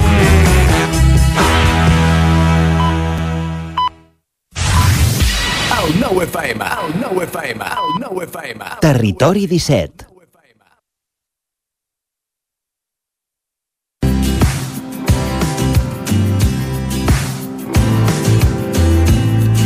Avui coneixem Toses, al Ripollès, un poble que no arriba als 200 habitants. El municipi de Toses està format per un conjunt de quatre pobles, Toses, Navà, Fornells i Dòria. Constant entre els més antics de la Vall de Ribes, han estat històricament aïllats per la seva situació remota i la seva particular idiosincràsia política. Actualment, però, i des de fa pocs anys, s'han construït moderns accessos per carretera, que juntament amb la històrica línia de ferrocarril transpirinaica de Barcelona a Puigcerdà, permeten descobrir al visitant una de les valls del Pirineu que millor conserven tota la seva bellesa i autenticitat original. A la vall de Toses, els racons on trobar el silenci i la màgia dels seus paisatges imponents i únics semblen infinits. Una caminada per un antic sender ramader, una passejada a cavall pel bosc, l'ascensió fins a algun dels prats que coronen els seus arrodonits cims, el descens per una vessant colgada de neu verge, un senzill àpat amb els humils però sabrosos productes de la terra, o la contemplació d'un cel nocturn infinitament estrellat que gairebé es pot tocar, fins i tot la visita a alguna de les seves esglésies mil·lenàries. El poble de Navà, a una alçada de 1.250 metres, és l'únic de la vall que està situat a la vessant Obaga. Malgrat aquesta orientació excepcional, gaudeix d'una posició privilegiada, on en un dels costers de l'àmplia vall formen els plans de Navà, que davallen suaument des de gairebé 2.000 metres fins al mateix poble i que creen un paisatge especialment bucòlic. El poble de Toses, un dels més antics de la vall de Ribes, era el centre jurisdiccional de la seva vall. Concretament ho era el castell de Toses, que està a un quilòmetre per sobre del poble, pertanyent als Urgs, família noble de la Cerdanya i ben documentat des del segle XIII. Les cases de Toses, moltes restaurades recentment, tenen una disposició esglaonada i donen una aparença fortificada a la població. L'arquitectura de Toses, amb trets particulars respecte als de la resta de la vall, destaca per la proliferació d'arcades que ennobleixen el seu paisatge. Un altre tret característic són els porxos, edificacions dedicades a l'ús agrícola i ramader que es troba al costat de cada casa formant un petit pati. El poble de Fornells se situa al fons de la vall, en una zona on s'eixampla una mica deixant espai pels horts i prats. El poble està històricament vinculat a Dòrria. De fet, Dòrria és el poble més alt de la comarca del Ripollès i un dels més alts de tota la Catalunya. És també un dels pobles històricament més importants de la vall de Toses. Amb una gran riquesa ramadera per les extenses pastures de les que sempre ha disposat, Dòria va arribar a ser una parròquia tan important com la de Toses i durant els segles XVII i XVIII era on es reunien els regidors del municipi de Toses. Entre els quatre nuclis val la pena gaudir dels recorreguts i camins de muntanya que la població té marcats per gaudir d'una excursió a la natura.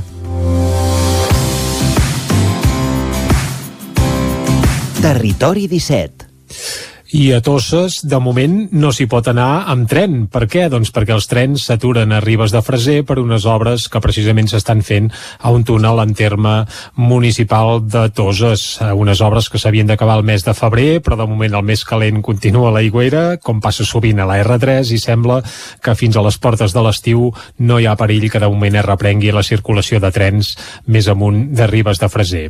Fet aquest apunt, enllacem Toses amb la R3 cada dia a Trenc d'Alba. Anem-hi. A Trenc d'Alba, edició pandèmia.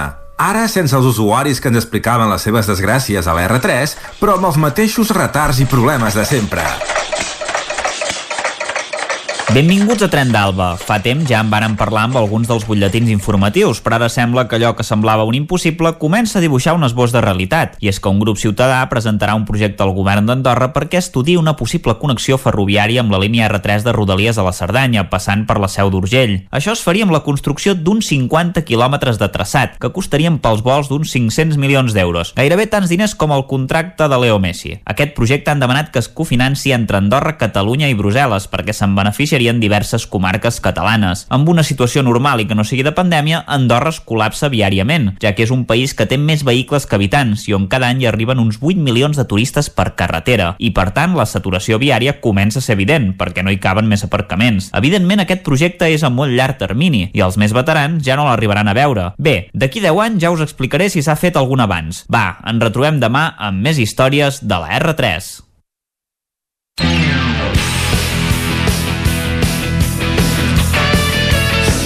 I quan passen 5 minutets de dos quarts de 12 del matí, arriba el moment de la tertúlia esportiva. La tertúlia esportiva que serveix per tancar els territoris 17 tots els dilluns. I avui a la tertúlia esportiva canviem d'alineació. Tenim en Guillem Freixa de baixa per paternitat, per tant, des d'aquí una abraçada ben forta, tant per ell com pel seu fill Gil. I eh, en el paper de barcelonista avui tindrem Agustí Danés. A la resta de tertulians, els habituals. Ens acompanyaran també Lluís de Planell, amb el cor blanc i blau, i l'Isaac Muntades amb el cor blanc. Anem-hi. Doncs vinga, Agustí, Lluís, Isaac, molt bon dia a tots tres. Bon dia. Bon M'agradaria bon començar, dia. home, parlant del Barça i del partit d'ahir, perquè, home, era un partit ideal per enganxar-se de nou a la Lliga i de nou els blaugranes van ensopegar. Una a una casa amb el Cádiz, això sí amb un penal a l'últim minut a favor del Cádiz, força dubtós que ja m'imagino que l'Isaac Muntades el va veure claríssim i el Lluís de Planell potser també, eh? però els que ho van veure des de casa no les tenim pas totes. Isaac, era penal o no?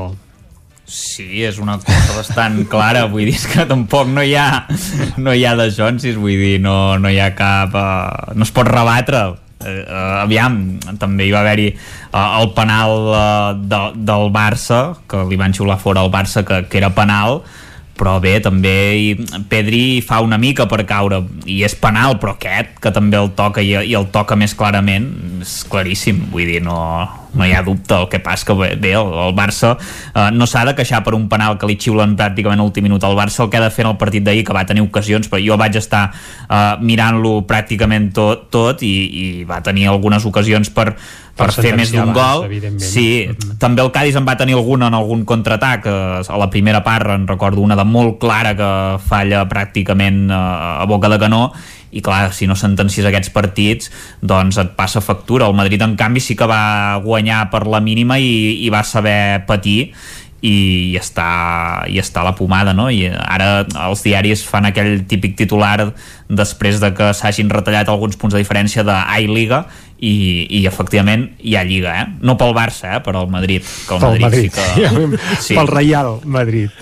que si, que si guanya un parell de partits eh, concretament el derbi i, i un altre, jo penso eh, i el- i l'Atlètic de Madrid punxa estem davant, eh, ja De totes maneres, en Koeman mateix va reconèixer que era penal. Va dir que sí, sí, pe- petit, però era penal. I... Clar, era un penaltito.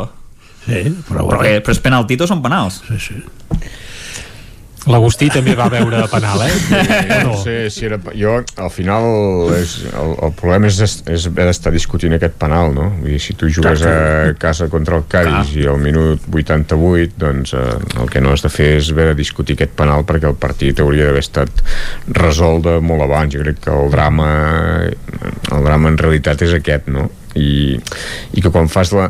no tant del partit aquest en concret, perquè al llarg d'una temporada et pot passar que un dia punxis a casa contra, contra un rival que sigui inferior. Això havia passat, jo recordo, per exemple, el, el, doncs el Barça haver perdut partits a casa doncs, contra l'Hèrcules, per exemple, i tal. Per tant, jo eh, faria una mica d'abstracció del, del, del fet aquest concret, però crec que el problema és més de fons, no? I l'altre dia ho deia, dic, si tu agafes i per veure el nivell del Barça agafes un full en blanc i apuntes eh, en una columna els equips contra els quals ha guanyat i a l'altre els equips contra els quals ha perdut, doncs arribes a una conclusió molt fàcil, que és que el Barça està clarament per sobre dels petits, però està molt lluny dels grans. I llavors mm. hi pot haver l'excepció. Jo crec que el partit aquest del Cádiz, eh, per com va anar, pel penal, pot ser l'excepció però el problema és haver perdut a casa contra el Madrid, haver perdut contra l'Àtic de Madrid, haver perdut a la Copa contra el Sevilla, haver perdut la Supercopa contra el Bilbao Perdona, perdona, però és que jo no- a- haver perdut a no casa resultats. haver perdut a casa contra la Juve, haver perdut contra el PSG és aquest, el problema que et dona la idea Perdona, de quin, de el quin és no ara el aquest. nivell del El problema Barça no és aquest. El problema és que, és que fan un partit horrorós.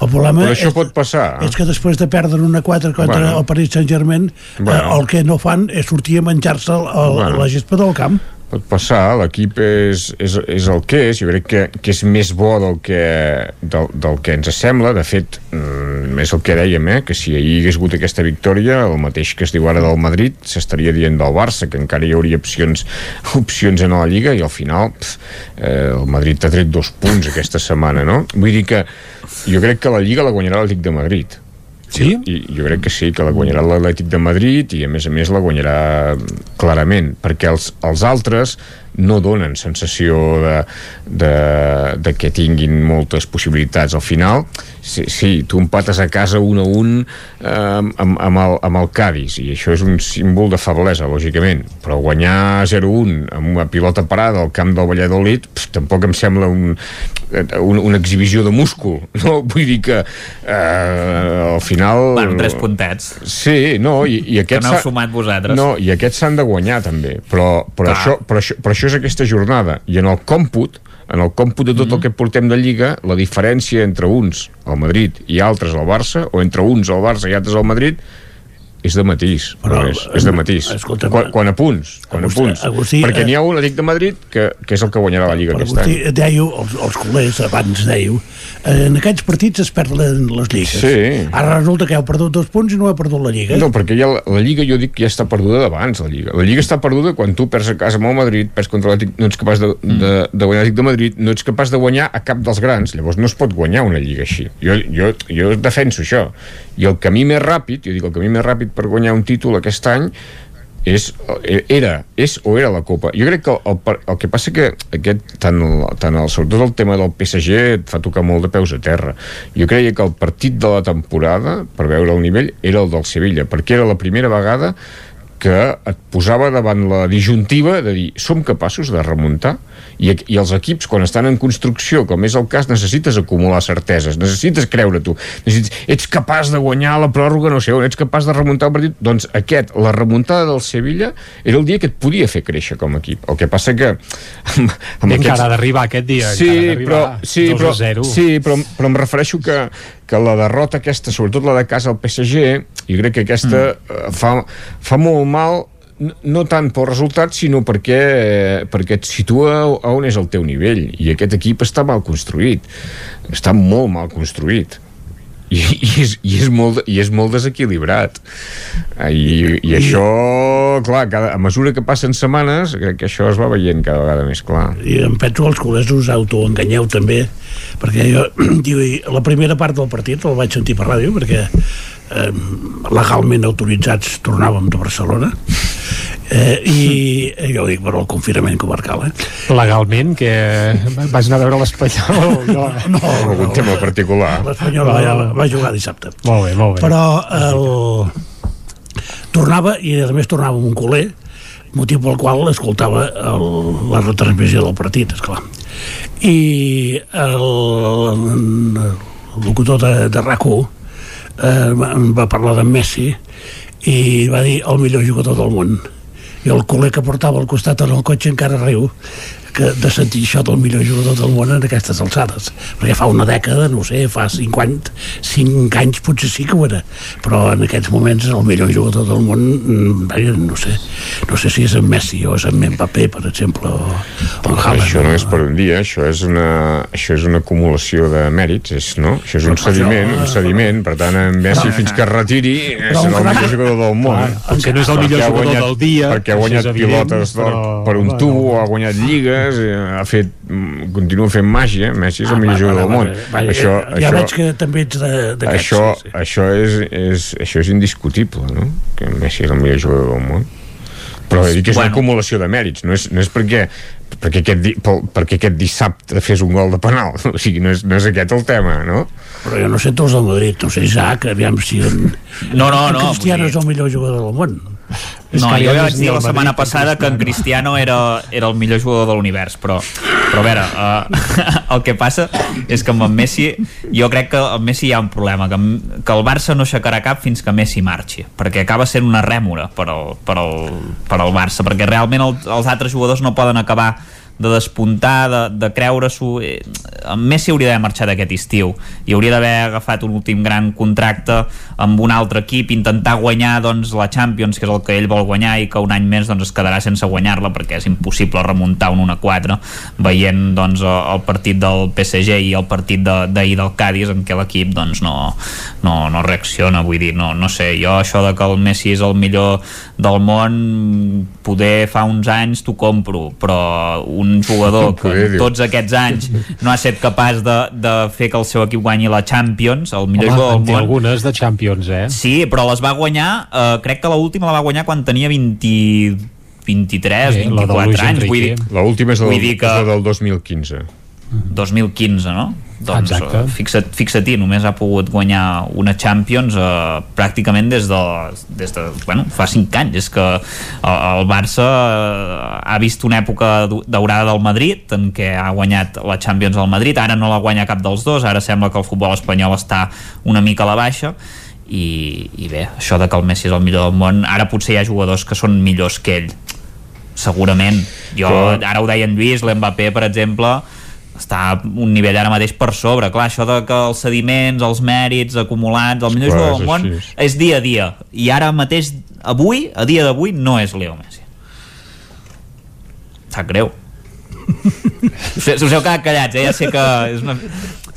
I qui Home, és? jo crec que és, és el que deies, eh? el millor jugador No, del dia o del cap de setmana segurament no ha sigut Messi. El millor jugador del món és una cosa que seria difícil de qüestionar. Però vaja, Ni- ni de la deixem, temporada. deixem aquest aspecte. Sí, perquè a més, a més I- aquest, aquest, aquest debat, Jordi, eh, pf, eh, no va enlloc, perquè sempre hi pot haver discussions. Per això Ah, no, home, només faltaria. Aquí hi ha la gràcia, ne- també. necessites perspectiva, i quan passi Mhm. perspectiva, si el que ha fet aquest jugador és únic, perquè, perquè tants anys, tant nivell, tants gols, això pf, eh, però ha, ha de passar temps i al final això, aquestes figures són úniques i s'acaba reconeixent per part de tots, no només per part del Barça, sinó també per part dels adversaris, perquè és que negar-ho mm, és, és impossible és impossible. eh, llavors n'hi ha molts I no de- no n'hi ha gaires no n'hi ha gaires Bobby no n'hi ha- Charlton, en Di Stefano, no, oh, en, Di, en Di Stefano sí.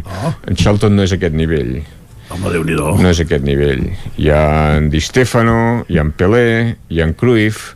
El del Benfica, l'Eusebio. No és aquest nivell. Hi ha en Maradona i hi ha en Messi. I no n'hi ha més, són aquests són I en aquests, Cristiano són, no- són, no- són aquests cinc. I, i, i, i, el, i, el, i el problema i el problema d'en Cristiano no, no, no, però el problema d'en Cristiano I en és- Tamudo. i el problema d'en Cristiano és, és, és, haver, és, és haver coexistit amb en, amb en Messi. És que a, a, aquest és el problema d'en Cristiano. Com, com, com el problema d'en Cribiller era, era coexistir amb en Duhan. És que això és així.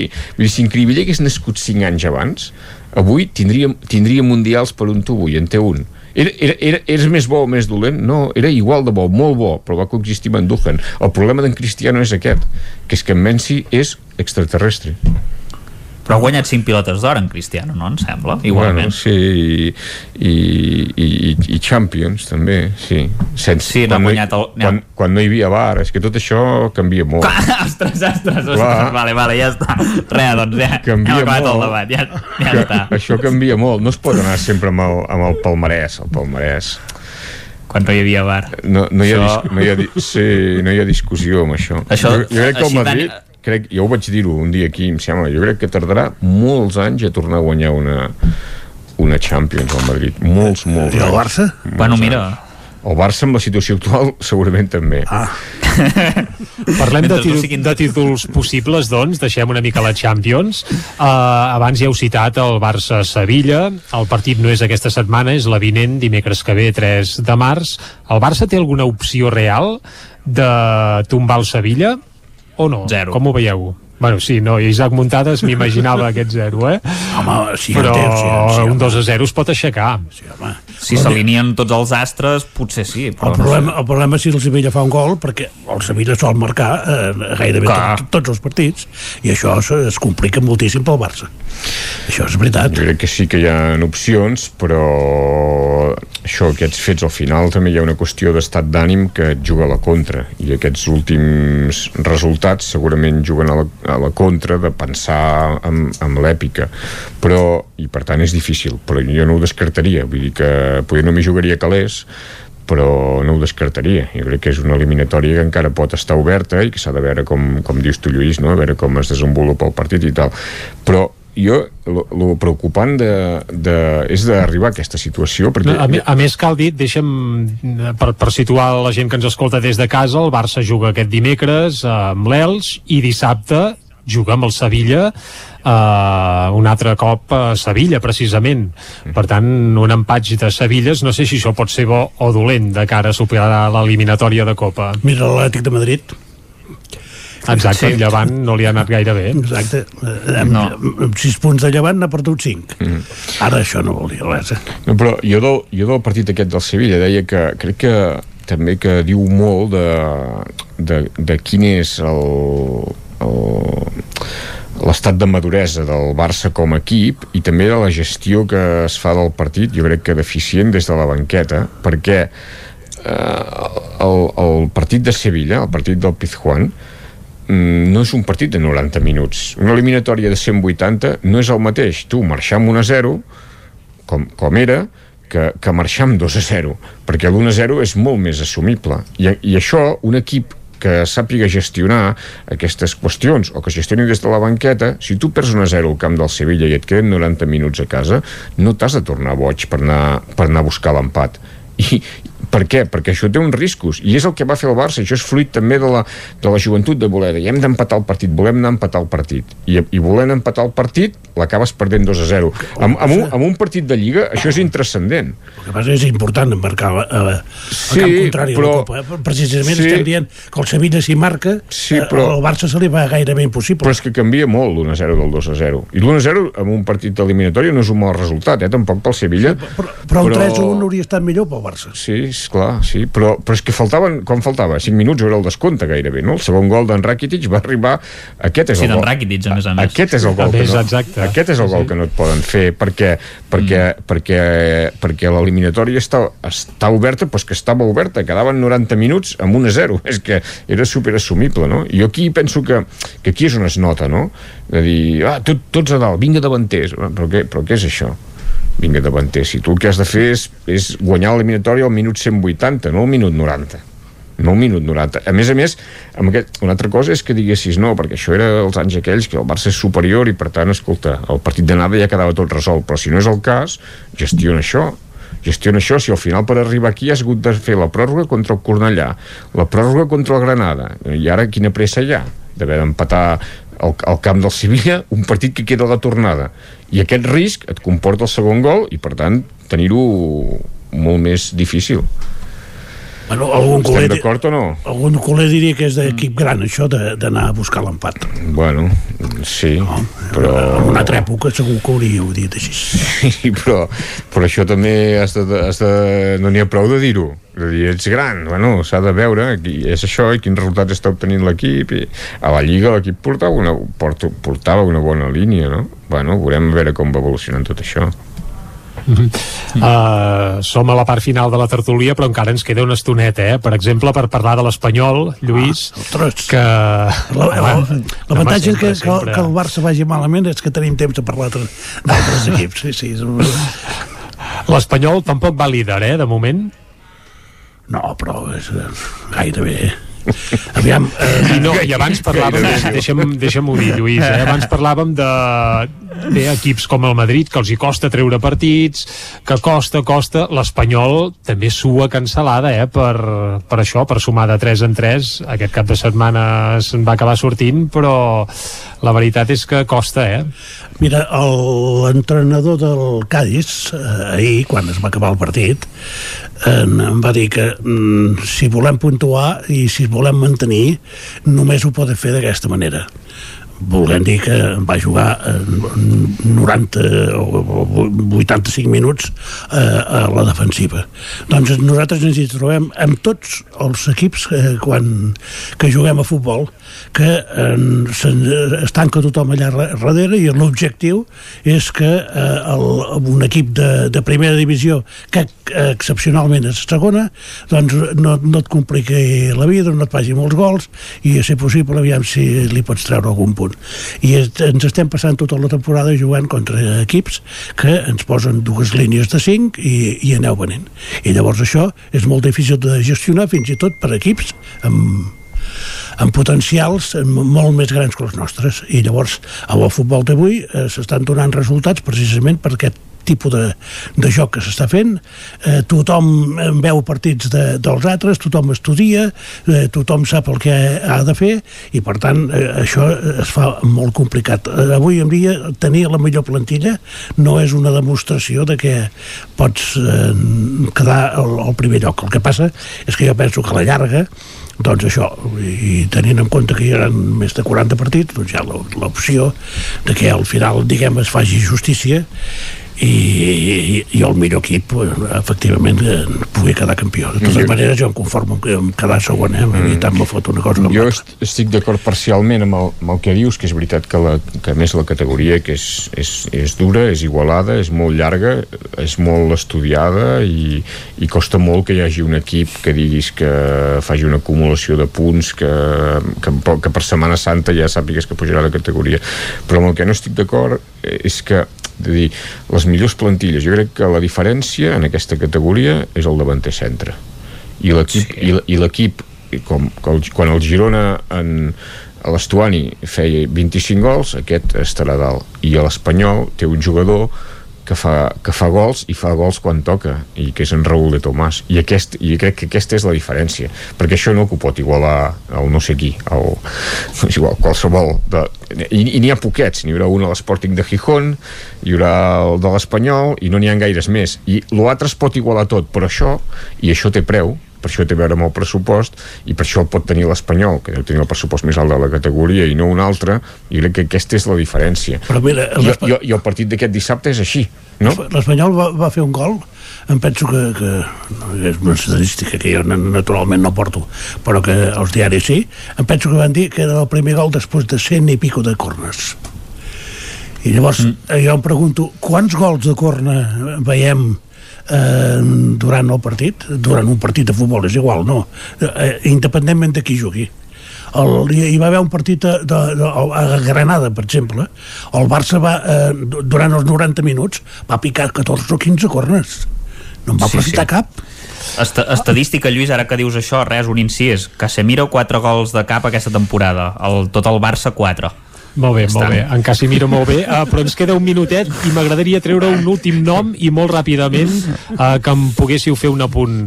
Pau Gasol, sembla que tornarà al Barça de bàsquet, tot i que el xicot sembla que està enfadat per la filtració, una filtració que més mm, va venir de Toni Freixa, precandidat sí. a la presidència Blaugrana, una cosa una mica difícil d'explicar, sí, sí. eh? Però el veieu, a Pau Gasol, al Barça de bàsquet? Fa dos anys que no juga, eh? Sí. Exacte. Però és Pau Gasol. Sí, és Pau Gasol. Poder estar a la banqueta donant ànims. Bueno, no, però i no, i, i de, ja ho han explicat, no? Una mica amb la idea aquesta dels Jocs Olímpics. I vull però dir que, té 40 anys, ja. Bueno, però si, vens, si no vens a ser l'estrella, si no ajudar en moments puntuals, jo crec que és, que és un bon reforç. Jo el voldria, vaja. Home, jo el vull, un vaja. com aquest no el trobaries, eh, al mercat. Per, per jugar, no cal que jugui 40 minuts, però poder mm -hmm. de jugar aquells minuts de qualitat i que t'aportarà moltes coses, segur. Jo crec que és, que és una bona notícia des de l'òptica del Barça és molt bona notícia. És com... en Lluís diu és com si volguessis tornar a fitxar en Ronaldinho encara que sigui sí, no, per, no per comparis, no comparis. Després de passar per la presó Ronaldinho, eh? Sí, sí, seria aquest el símil, sí, sí. Uh, Agustí Danés, Lluís de Planell, Isaac Muntades, moltes gràcies per acompanyar-nos una vegada més a la tertúlia aquí a Territori 17. Som ja a la part final del programa i ens queda pràcticament només acomiadar-nos. Doncs fins aquí arriba el territori 17 d'avui, que hem tancat, com fem sempre els dilluns, amb la tertúlia esportiva. Nosaltres tornarem demà, com sempre, i us farem companyia des de les 9 del matí i fins a les 12 del migdia. Fins llavors, salut i que vagi molt bé. Adéu-siau.